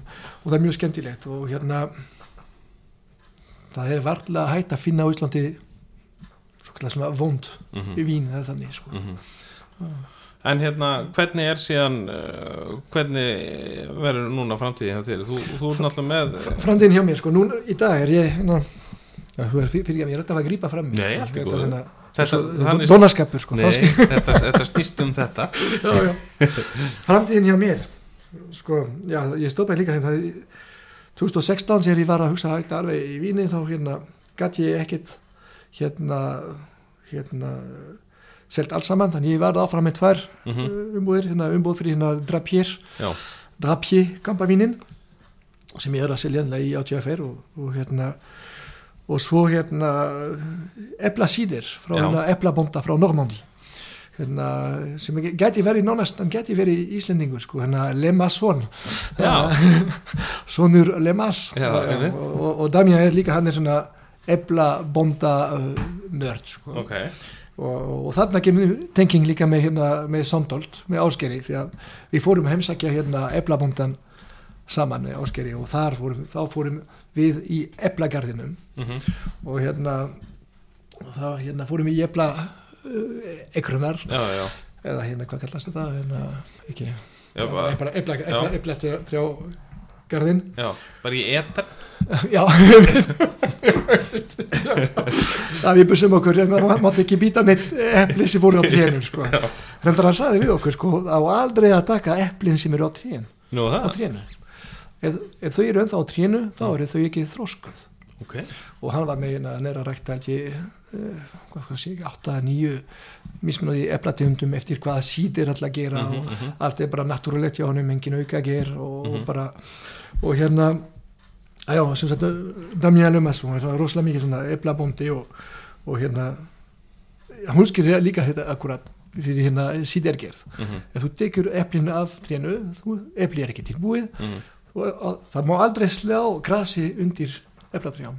Bara eplin þetta og í háu grasi mhm. það tettur grasi lókast aftur yfir epli Mm. og geymir það í einhverja víkur þess vegna. Og epli skemmist ekki Já, ok og þegar aldrei tótið aftur á trjánum þá förum við og týnum bara með einhvers konar guflum, guflum Mhm. og, og eplin og, og það er það samin og það er allt tíbúið til að hérna, pressa Já. og þetta farið sann í natúrilega gerjun sko. Þetta vissi ekki, þetta er mjög áhugað hérna, og, og, og þetta kallar svona og vínin er, síðurinn er framleitu þannig bara sem sagt uh, úr eplum engin eitt viðbæð bara pressuð epli Mhm, setti hérna, uh, mögin setti hérna rísu, rísastóru ámum mhm, og láta gerjast, bara natúrulega gerjun þá er hérna síður fermier og brutt og hann gerir ekki neitt við það sko. Mm.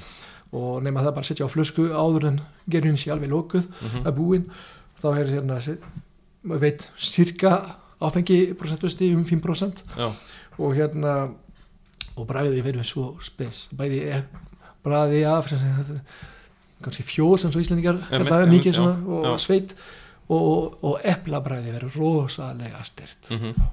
Og þá náttúrulega síðan myndast náttúrulega bara kólsýran út frá uh, restina að gerinu sem er já, já, já, já. og bæ- bæði í tanknum og svo klárast í flöskunum Já, já. og, Sko- og freyði ég er ekki endilega mikið sko. En hérna, eh, finnst þér ekki að hafa tekið svona smá kipp þessi, þessi kategória, sítir kategórian hún hefur verið svona svolítið glemt kategóri hérna á Íslandi Jú, en, en er ekki or- orðið svona aukt eða svona, fólk er kannski farið að pæla meira í þessari kategóri bara, yfir höfuð? Uh, já, það, ég, já, ég held að það, það tengis kannski bæði augningu kannski á úrvali og bjór og svona sérbjóra. Já, uh, og fólk er farið að hugsa að bjór er hægt að bjór og sítir mhm, er hægt að, að neyta með mat. Mhm, einmitt og, og sem var ekkit áður fyrir kannski var bjór bara til að, til að drekka bara. Já, þannig sé og skemmt sér. Og í dag er fólk farið að para mikið meira. Mhm, uh, bjór, mat, síðir og mat. Mhm, uh, úrvali að síðir er, er ekkert mikið samt. Mhm. það er rosa mikið af kallar úlinga já, já, síðir.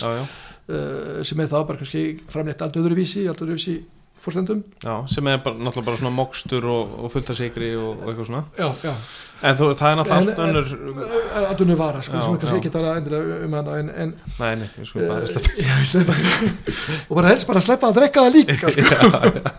Já, ég er samlega, ég man sko að- mér dettur í hug sko að þú talar um þetta fjósatæmi þegar ég var á matudrykk þá man ég eftir einni pörun sem ég gerði það voru við með sko svona þurrkað hangikjött með einhvern svona súrmjólk og eitthvað svona. Já, og pörun þetta við einmitt. og það er bara og svona muskat yfir og eitthvað. Þetta, þetta var bara Já. heavenly pörun sko, það var rosalega gott.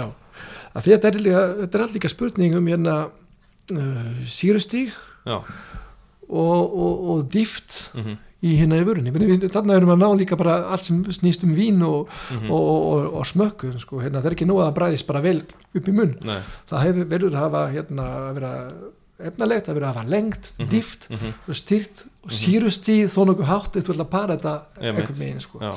og ef bæði uh, vörur sem vilja að neyta saman mhm, eiga báðar sterkar karakter þá maður lærir hvað passa saman. Mhm, og, og karakter hvern og eins líftir annan karakter hjá hinnum og þannig verður svona samsetning já, já, já, náð og hérna ánægja náð og hérna og það gerist ekkert nema bara akkurat eins og þú segir þú varst að hérna í, í matur og, uh, matur og drikkur og matur og drikk og, og, og þarna var alltaf að leita akkurat hvað get ég gert sko Já. endur, endur skoða hérna Íslensk matagerð Já, alveg já. rosa vel og En fólk á klálega að skoða sítir Það er bottomlænið Já, já, já, það sko hérna, ég, ég verið að bara þetta sjálfur sko mikið með, hérna, með sushi, með lambakjöti með villibrá, Mhm. með sterkum ostum og hérna það er ekki bara með pönnukökur Nei, og, nei. og hérna eitthvað svona eitt og sér. Nei, og bara prófa. Að lefa sér að prófa, þetta er líka ódýrt sko. Bara, eh, ég held að sé svona líka að fólk er að fara í síðurinn, það er kannski það er frekar lítið áfengt Mhm. og Ísaka ríki er að segja mikið áfengisgjald sko, sem er ofur mikið já. Og þannig að þetta er Þetta er alveg klálega svona kategóriða sem fólk ætla, ætla að skoða sko. já. ekki svölning En önnur kategóriða sem að fólk er nú heldur betur búin að skoða það er kampaðinnið Já, og það hérna ég hef bara verið hérna með Drapier Gampavín í sem 2013 að 14, ég man ekki alveg. Já, og, og, og þarna get ég ég hlut því áfram, að vera áfram með það sko. Já, og millir 2016 og 2020 þá var það Dala, Dala ég má segja, í ATFR í sérfloknum og, og hérna var hérna tímabili með, með þrjára fjóra tegundir. Já, og Drapier er hérna akkurat framlandi eins og, eins og ég skal. Mhm, eins og, hérna, og mín langar að vinna með. Mhm, uh, uh, sem sagt uh, sko kampænframlegendur eru þeir sjá vöruna sína kannski á mismunandi mismunandi hátt. Mhm, og Drapier er að framlega kampavín eins og bara vinnbonda finnst mér. Mhm, og, og fyrst og fremst er hér svæði sem þeir eru í í hérna í, í kampavínsýræðinu mhm. Þeir eru mjög stutt frá Burgundi. Kampavínsýræði er í fleirum þess að Burgundi, þú veist, Chablis er alveg sérsvæði í Mhm. Burgundi. Þarna eru þeir í Côte de Bar. Mm. og, og hérna það eru tveir uh, hérna bæir sem heita Bar mhm, hérna Bar sur Aube og Bar le Duc. Já, og það er hérna bara Côte de Bar, Côte de Bar og bar er líka hérna þú veist bara bar sko, það er skemmtilegt sko, hérna, hugsun, en þeir eru um það bíl svona 160 kilometra nánast beint norður frá Bón það er ekki, ekki mikið lengra en Sabli til dæmi sko, það er mjög svipuð hérna hæð. Og, og, og í þessu þetta hér að uh, fyrir mig minni mig á Burgundi, þetta er rosa sveit. Mhm, mikið bland mikil blanda af hérna svona smáhæðum. Mikið skógur, mikið skórækt mhm, og lendir dalir og sem er kannski eins og Burgundi mhm, og, og hérna um leið og það er dalur og þegar dalurinn myndaðist Mm. það var á sem var að renna. Annarkvort áinn tók efni Mm. eða komi efni jarvegs efni og gerir þá hérna fjölbreytt jarveg mhm, þó aðalega er það líka kalk sem er hérna að finna mjög djúft og í jarveginum og auðvitað hérna þrúan þar í kampænsýræðinu hún er, það má vera, það má vera margar eh, þrúur en Drapier er aðalega að rækta Pinot Noir. Mhm, og, og hérna á bestu á mínu mati bestu kampænin eru úr Pinot Noir þrúu og, mhm, og hérna þú er orðin nú- núna þessi hérna bíómyndin hérna, hérna Sideways. Já, já, það já, var dást að þessi Pinot Noir að, hérna, bara, og, og margir segja þetta bara, það er bara þrúa sem hérna, þarf mest að metnað til, Mhm. að- til að meta henni rétt og, og, og, stjórna henni Mhm. rétt til að gera eitthvað gott úr því. Já, og, og hérna auðvitað Pinot Noir hefur þetta enginni að vera rauð mhm, þrúa með kvitt kvittum safa þannig þess vegna er hægt að búa til kampavín sem er alveg tært hérna úr Pinot Noir þrúu uh, og það eru ekki margir sem eru að búa til uh, kampavín úr 100% Pinot Noir.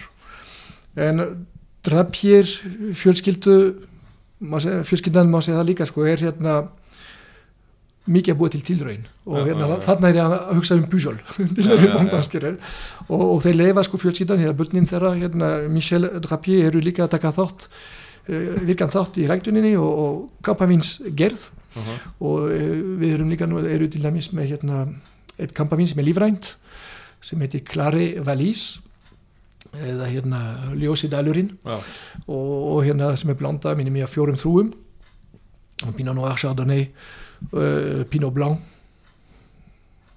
Og ég er búin að glemma einni kannski Pinot Meunier. Og, og hérna og það er, mann ekki hvað degindunar hjá þeim er um það byrja kannski 20 mismunni kampavín, mismunni blöndur miða við hvaðan úr hvaða ekru það kemur Mm. og þannig erum við að nálgast aftur þetta hérna, skiptingu eins og burgundi svona ekru vín Mhm. og hver ekra er mjög spes, mjög sérstök bæði út af hérna, veðufar og jarvegs enginni Mhm. og það er alltaf að reyna að leita það besta úr hverja ekru fyrir sig Mm. og um, já og svo hérna drapjir er akkurat í þessu að gera ví- kampavín sem parast með mat eins og vín Mhm. og hérna þannig að maður getur bara smaka misminu fulda tegundum frá þeim Mhm. og reyndar kannski rétt já mörgum, í mörgum kampavínshúsum en hérna mann langar í mat þið langar að borða og Mhm. hérna og það er þetta líka sem er nýtt á Íslandi Já. auðvitað, það er fullt af fólki sem er ekki að ferðast Mhm. það er svona kampavínssalan hefur verið að aukast mikið en ég held nál, nálgunin er allt öðruvísi Já. kampavín áður fyrir var til að skála fyrir eitthvað Mhm. eða hérna eitthvað hátíðalegt eða fordrykkur Mhm. uh, þú veist, það var ekki hægt að, varla hægt að vera með hérna stóra veislur Mhm. í eitt ár og, og, og hérna fólk sem fari að, að kynnast kampavínin með mat líka á veitingahúsum, veitingahús gera hálslega góða luti, bara pörun, mat og kampavín og hérna Pinot Noir, þrúa bara hugsaði bara, ok, ég ætla að kaupa kampavín úr Pinot Noir akkur ég ætti ekki að para þetta með kjöti Já. akkur ekki Mhm. uh, auðvitað ef þú fer í einhverja ofurkryttað mat og það, það fer einhverja allt í köku sko. Já, já, já. en ef maður er að horfa á menningin og í héraðum Mhm. eins og burgundi eða, eða kampavín matagi, það er mikið blanda af langbúnaðum Mhm. fyrir hérna uh, mjölkur og kjötframleyslu nöttgripa framleyslu eða nöttgripa rækt fyrir ekki og hérna kryddin eru nánast engin nema hvítlaug, forlaug Já. laug, laug, laug já, já, já, og fítan, hún er bara smjör og hérna þess vegna eru þessi hérna sírurík vín frá Burgundi og þessi sírurík kampavín. Mhm. ef ég má segja það að hérna þau bara parast mjög vel með matagerð úr sem já, og, og, og það er til dæla einfalt sko. Þú ert að byrja að taka hérna opna kamænflösku sem kostar kannski frá, hvað, þetta að vera kannski um 5.000 krónur. Mhm. upp í, bara getur farið mjög, Já, mjög hátt upp í skilur það sem maður vil sko. En gott kampavín sem bara 7.000 krónur kampavín, þú opnar, opnar þetta. Uh, þú langar, langar að njóta þess Mhm. og ekki bara að hafa eitthvað fordrykk Mhm. það er bara um að gera flaskan hún er þess virði að matreiða í kringum hana. Já, já, Það nákvæmlega. þetta kampavín er svona. Það eru, ég ætla bara að vera hérna, ætla að vera með kálvækjut til dæmis og með einhverja hérna, smjör og eitthvað. Svo svo, ég er ekki matreið sem öður skilst, en hérna En þetta er Og- góða punktur að matreið kringum flöskuna. Ég veist já, það. í kringum, hvað er ég að drekka, hvað finnst mér gott? Já, Herru, hvað passaði með þetta? Og ég ætla bara hvaðan kemur þetta? Mhm. hvað er, hvernig ég verið að matreiða á þessu ég er að því já, og það er þetta besta nálgun sem maður getur gert sko, Já, já. vín og, með pælingin vín og mat sko.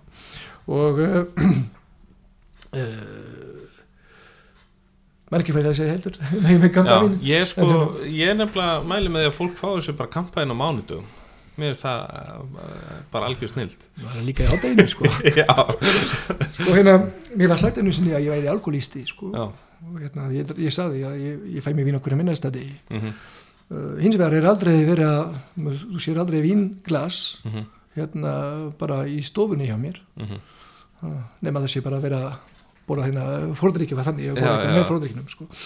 en það er alltaf borið fram mhm. hérna vín með mat og það er sjaldan mat án þess að það sé opna vínflösku Mhm. og hérna og ég, bæli, ég er ofta að bæla í þessu akkurat er, ég á þessa góða flösku hvað, hvernig er ég að opna hana Mhm. Og stundum að við bara bæla með, með hverjum, mm. -hmm. mér að drekka hana en stundum hvaða fólki eins og með ég hugsa líka hérna, ég verð að fara að kaupa inn í eitthvað til að geta að opna flöskuna sko. Já, það er fæli og, en, með kampavín til að klára þetta sko, annarkvort maður opnar hana, getur gemt hana Mhm. þú veist, hafa hana bara með kannski fordrygg og með eftirréttina þetta er alltaf bæling sem ég finnst mjög skemmtileg að byrja og klára máltíð með sama vínið Mhm. og ég ger það mikið á, þann tím, tímabilið með hérna vín frá hérna Pujol, hérna styrtu vínin Mhm. Rivesalt til Mhm. dæmis, grönnat það var bara kannski forréttur, foie gras Mhm. styrt vín með svo súkulega eftir réttur mm Mhm. sama styrkinn með þá ertu búin að fara að ringin sko. Já, og að tengja allan máltið í kringum sama vínið þá sé kannski búið að drekka eitthvað annað á milli mm. og, en kampavíni er hægt að gera það sama eða bara það eru margir gestir, geftu bara fleiri flöskur og, og bara alla matinn. og það er hægt að finna kampænstegundir sem getur að fara yfir eitt máltíð. Mhm.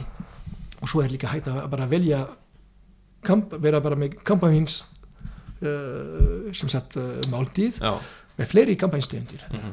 ok, ég er til að vera með hérna humar í fór ég að bara er ég blanc de blanc sem er bara uh, sardonnay úr úr, úr hvítum þrúum og sardonnay og kannski fleiri og svo bara kannski einhvern kjöt og kannski get ég bara verið þess vegna, já, eitthvað hérna kannski eldra velþróskaða kampavín úr Já. Pinot Noir og, og sem var gerð úr vínum sem eru að vera að þróska í ekartunum og sem er kannski mikla fyll- fyllingu Mhm. og svo bara eitthvað hérna eitthvað kannski hérna sætara já, með já, eftir hérna já. og þetta er eitthvað sem held ég fólki á að, að, að hafa í huga að kampavín er ekki bara eitthvað vesutengt og, og það er þess virði að, að, að nálgast það öðruvísi og drekka kampavín í vinglösum eða stórum kampavínsglösum ekki hafa mjög pínu lítlu kampavínsglösin þegar kampavínin þau hérna, þetta smakkuði alveg eins og vín Mhm. þau gefa frá sig ilm, það er fullt af þessum lítlum bólum og það Mhm. fengir það sem það eru það bara, það búið upp alveg Mhm. mismundi bara ilmar Mhm. og hérna já þetta er eitthvað sem Og drekkaðu bara í, í sérst belgmiklum glösum þá, eða? Eða það í- eru til sko, sko þú veist, það eru kampavíniglöð sem maður notar í, í veislum eru Já, já, lítil Já, og, og, það eru til kampavíns glös sem Mhm. eru nánast jafnstór og, hérna og kvítvínsglös já, ok og þeim eru kannski aðeins meiri lókuð þannig að Mhm. hérna, bubluna fari ekki of Já, hratt út en ef kampavíni er vel gert þá bubluna fara ekki of hratt út Mhm. úr glasinu og eiga að lífa lengi í glasinu já, og þarna er gæði á kampavínin líka rosalega, það fyrsta sem þú gerir kannski þú opna kampavínsflösku og setja í glasi. Stærð lóbólunar mhm, uh, hraðinn þeirra úr mhm. víninu og, og kannski hérna uh, má segja já. það sko. Svona, uh, og, og hérna þetta freyðir mikið það er bara kampavín í glasi og hald fyrir út ef flatt Mhm. eftir smáttund Já, það kannski var kampavín ekki gert nú uh, hægt. Já, já, og hérna og það vantar smá efni í vínu og það verður kannski ekki, ekki fónd þannig sé en það kannski verður ekki mjög langt eftir bara í, í munninu sko. kaupið bara drapier, þá er það bara safe. Ég, ég, ég held það alltaf draf ég, já já ég, ég, ég má ekki auglýsa það en- Það má En- segja, en- það má ég veit okkur að má- já, já, vilt hér sko. ég veit það en, og, og það sem mér finnst lega er, er það drafjir akkurat er verið þetta alltaf í huga. Mhm. að njóta þess bara þetta. Og, og eitt sem er skemmtilegt líka sko, drafjir var líka kampavinshús hérna Charles de Gaulle. Já, og hérna og ég seg, segi þessa sögu? Já. þú, ræðu hvað þú gerir við þetta sko. tökum hérna, já, sko við heimsóttum hérna drafjir hérna við konunni, konunni mína og Ólöfu hérna í hvað, þreim fjórum árum. Mm. og hérna fórum til þeirra og það er mjög skemmtilegt að Michel Drapier er að taka mót okkur þar og pappi hans líka sem hérna sáum að planta aftur það sem þetta að planta aftur eftir stríði mm. og hérna og hérna og það var hérna búgarum fjölkynna var eitthvað minna áður og hérna, hérna De Gaulle Mhm. sem er hérna, er hérna Gaulle fjölskyldan er hérna kefti hús hérna í les deux églises sem er rétt já, Urville það sem Drapier, hérna, þorf sem dýr Urville Mm. og, hérna, og Gaulle var alltaf vanur að koma alltaf inn í kjallara já, hérna Drapier hérna gamla og, og fór upp að það í, í kjallaranum og smakka og, og það var hann vanur. Það var alltaf eitt kampavín sem honum fannst bara best, það var unni úr hérna fjórum mismanni vínum Mm. sem var búið að þróska nógu lengi og flöskuna búin að liggja að minnstakosti ef mann rétt 36 mánuði sko í, í kjallaranum, það er bara vel þróska Já, rosalega ríkt, þetta er upplugt þetta er hérna blandað, þetta er hérna mínum í uh, 80% Pinot Noir, 20% Chardonnay og þetta er bara bæði hérna smjörkend, langt, ljúft Mm. og hérna þetta er það sem bara alveg eins og De Gaulle leit út, veist, bara alveg hávakstinn já, og langt nef og bara upplugur maður, Já. kampavíni alveg eins og hann sko. þetta var alveg mjög skemmtilegt já, ok og hérna, já, og við, þarna hittum við Drapier og förum þarna í að borða og veit ekki að stað sem heitir La Montagne sem er hérna í eigu De Gaulle fjölskyldunar mm. sonur, uh, barnasonur á þetta hérna La Montagne sem er Michelin stjörnu, hérna, veit ekki að stað og, og svo daginn eftir, það vildi ekki til að hérna, ekki betur til að hérna frændi minn í Burgundi, François Dalén Mm. það var búið að bjóða okkur sem sagt í hérna Clos Vougeot. Hérna það var hérna hérna La Vente des Hospices de Beaune sem er hérna vinsala mikla í Beaune. Já, og hérna eitthvað svona vínmarkaðar er, þetta er hérna, hérna uh, nú er ég búin að gleyma eins og svona mína, minni. Þetta er sem sagt uh, vinsala uh, Bón Spítalans. Uh, ef, ef þú fer til Bón, það er hérna sér spítali sem var byggður mhm, þegar hérna svarti döiðan var fyrir hérna fátaka fólki líka Mm. og, og, og, og í dag er það svona og allir vínbændur í Burgundi hafa verið að gefa eikrur mhm, til spítalans og það er ubóðsala mm. og þetta ubóðsalanum gefur tónin á verði á víninu í, hérna, frá Burgundi og annars stað frá í heiminum. Og hérna já, og, og í lókdagsins þá er hérna mikil hátíð í Klófúsó Mm. þar sem er hérna Chevalier du Tadevin sem er hérna uh, hérna Chevalier hérna uh, ah, ég sem kann fer. Hérna hérna konfreri svona samtök hérna og, og sem er í Klófúsó sem er hérna aðal veisla í Vínheiminum mm. og það eru eitthvað um það byrja 700 gestir og, og, og bara hérna nýju rétta allt bara með vín allir í sama sal í Klófúsó sem er hérna frá hérna miðöldum Mm. Mjög, og, og þar það byrjar að fá nýja millima inn í inn í þetta hérna stofnun og hérna og þar er hérna barna sonur De Gaulle það var einn maður sem stóð þarna long- langt nef og Já. alveg eins og hann við sinn sko og hérna sem er þarna og við vorum að gista daginn áður hérna hjá þeim og borða hjá þeim daginn áður sem frá vitigastæðin Já, og það var svona þessi skemmtilegt að sameina þetta allt Mhm. í, í Krófúsó og segir manni líka hérna, það að vera kannski alltaf að leita þessi samskiptin og, og, og tenging milli fólks svona, með, vín, með víninu aðalega og, og það bara er eitt ringur, það er eitt Mhm. heimur Já. og það verður að, að samtengja hlutina og bara Mhm. þetta leið sko. Nákvæmlega það er kannski þetta sem er já, og já, þetta var svona fyrir lilla söguna svona um Þetta er er áhugavert. Dugól og það er Dugól hérna Kampa Vín er fáanlega líka á Íslandi og hérna er bara þetta er svona allt sérböndun í ATF-er en, Mm. já.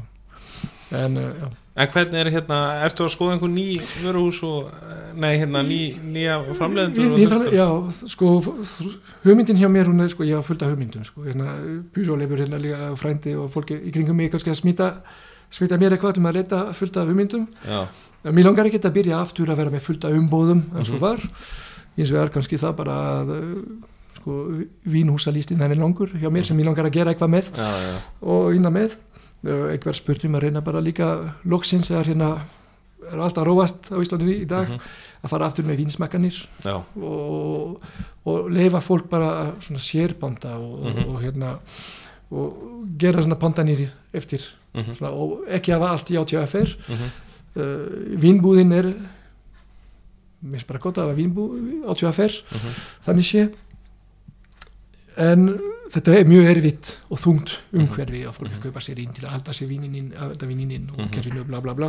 Þetta er svona eitthvað sem er frekar stundum, já bara erfitt. Mhm, en hins vegar, það er ekkert sem banna fólk að sérbanda allt sem er flutt inn til Íslands. Mhm, einstaklingar mega að þeir finna bara flytja inn sjálfur ef þeir vilja, en það er bara þá fraktkostnin er dýrt. Mhm. en allt sem ég flytt inn bara getur hver sem er hringt í átjáferð hann hérna Stefán í vínigrunni, hann er með hérna þetta vínmi og maður langar að fá þetta. Og átjáferð sendur eh, það er skilda þeirra að hafa samband við innflytjanda Mhm. og forvitna um vöruna sem er flutt inn. Mm, og, og, og hver sem er getur banda hvaða vín sem er hvaðan sem er á Íslandi. Og Mm. fá þetta aðfend í vínbúð nálagt sér. Og þetta er þjónusta sem er bara innifæri þessu 18% álækningu átjáferð sem er bara ekki neitt. Þannig sé. mhm, og hérna já, þannig að þróunin hjá mér hún er kannski aðalega það að kannski uh, það eru hér sem ég er búin að það eru einhverjir framlendur sem ég er búin að fyrir að vinna svona mhm, með en svo hérna í Bandol hérna í Suðfraklandi hérna Chateau de Pibarnon vilja myndi að sitja á þetta.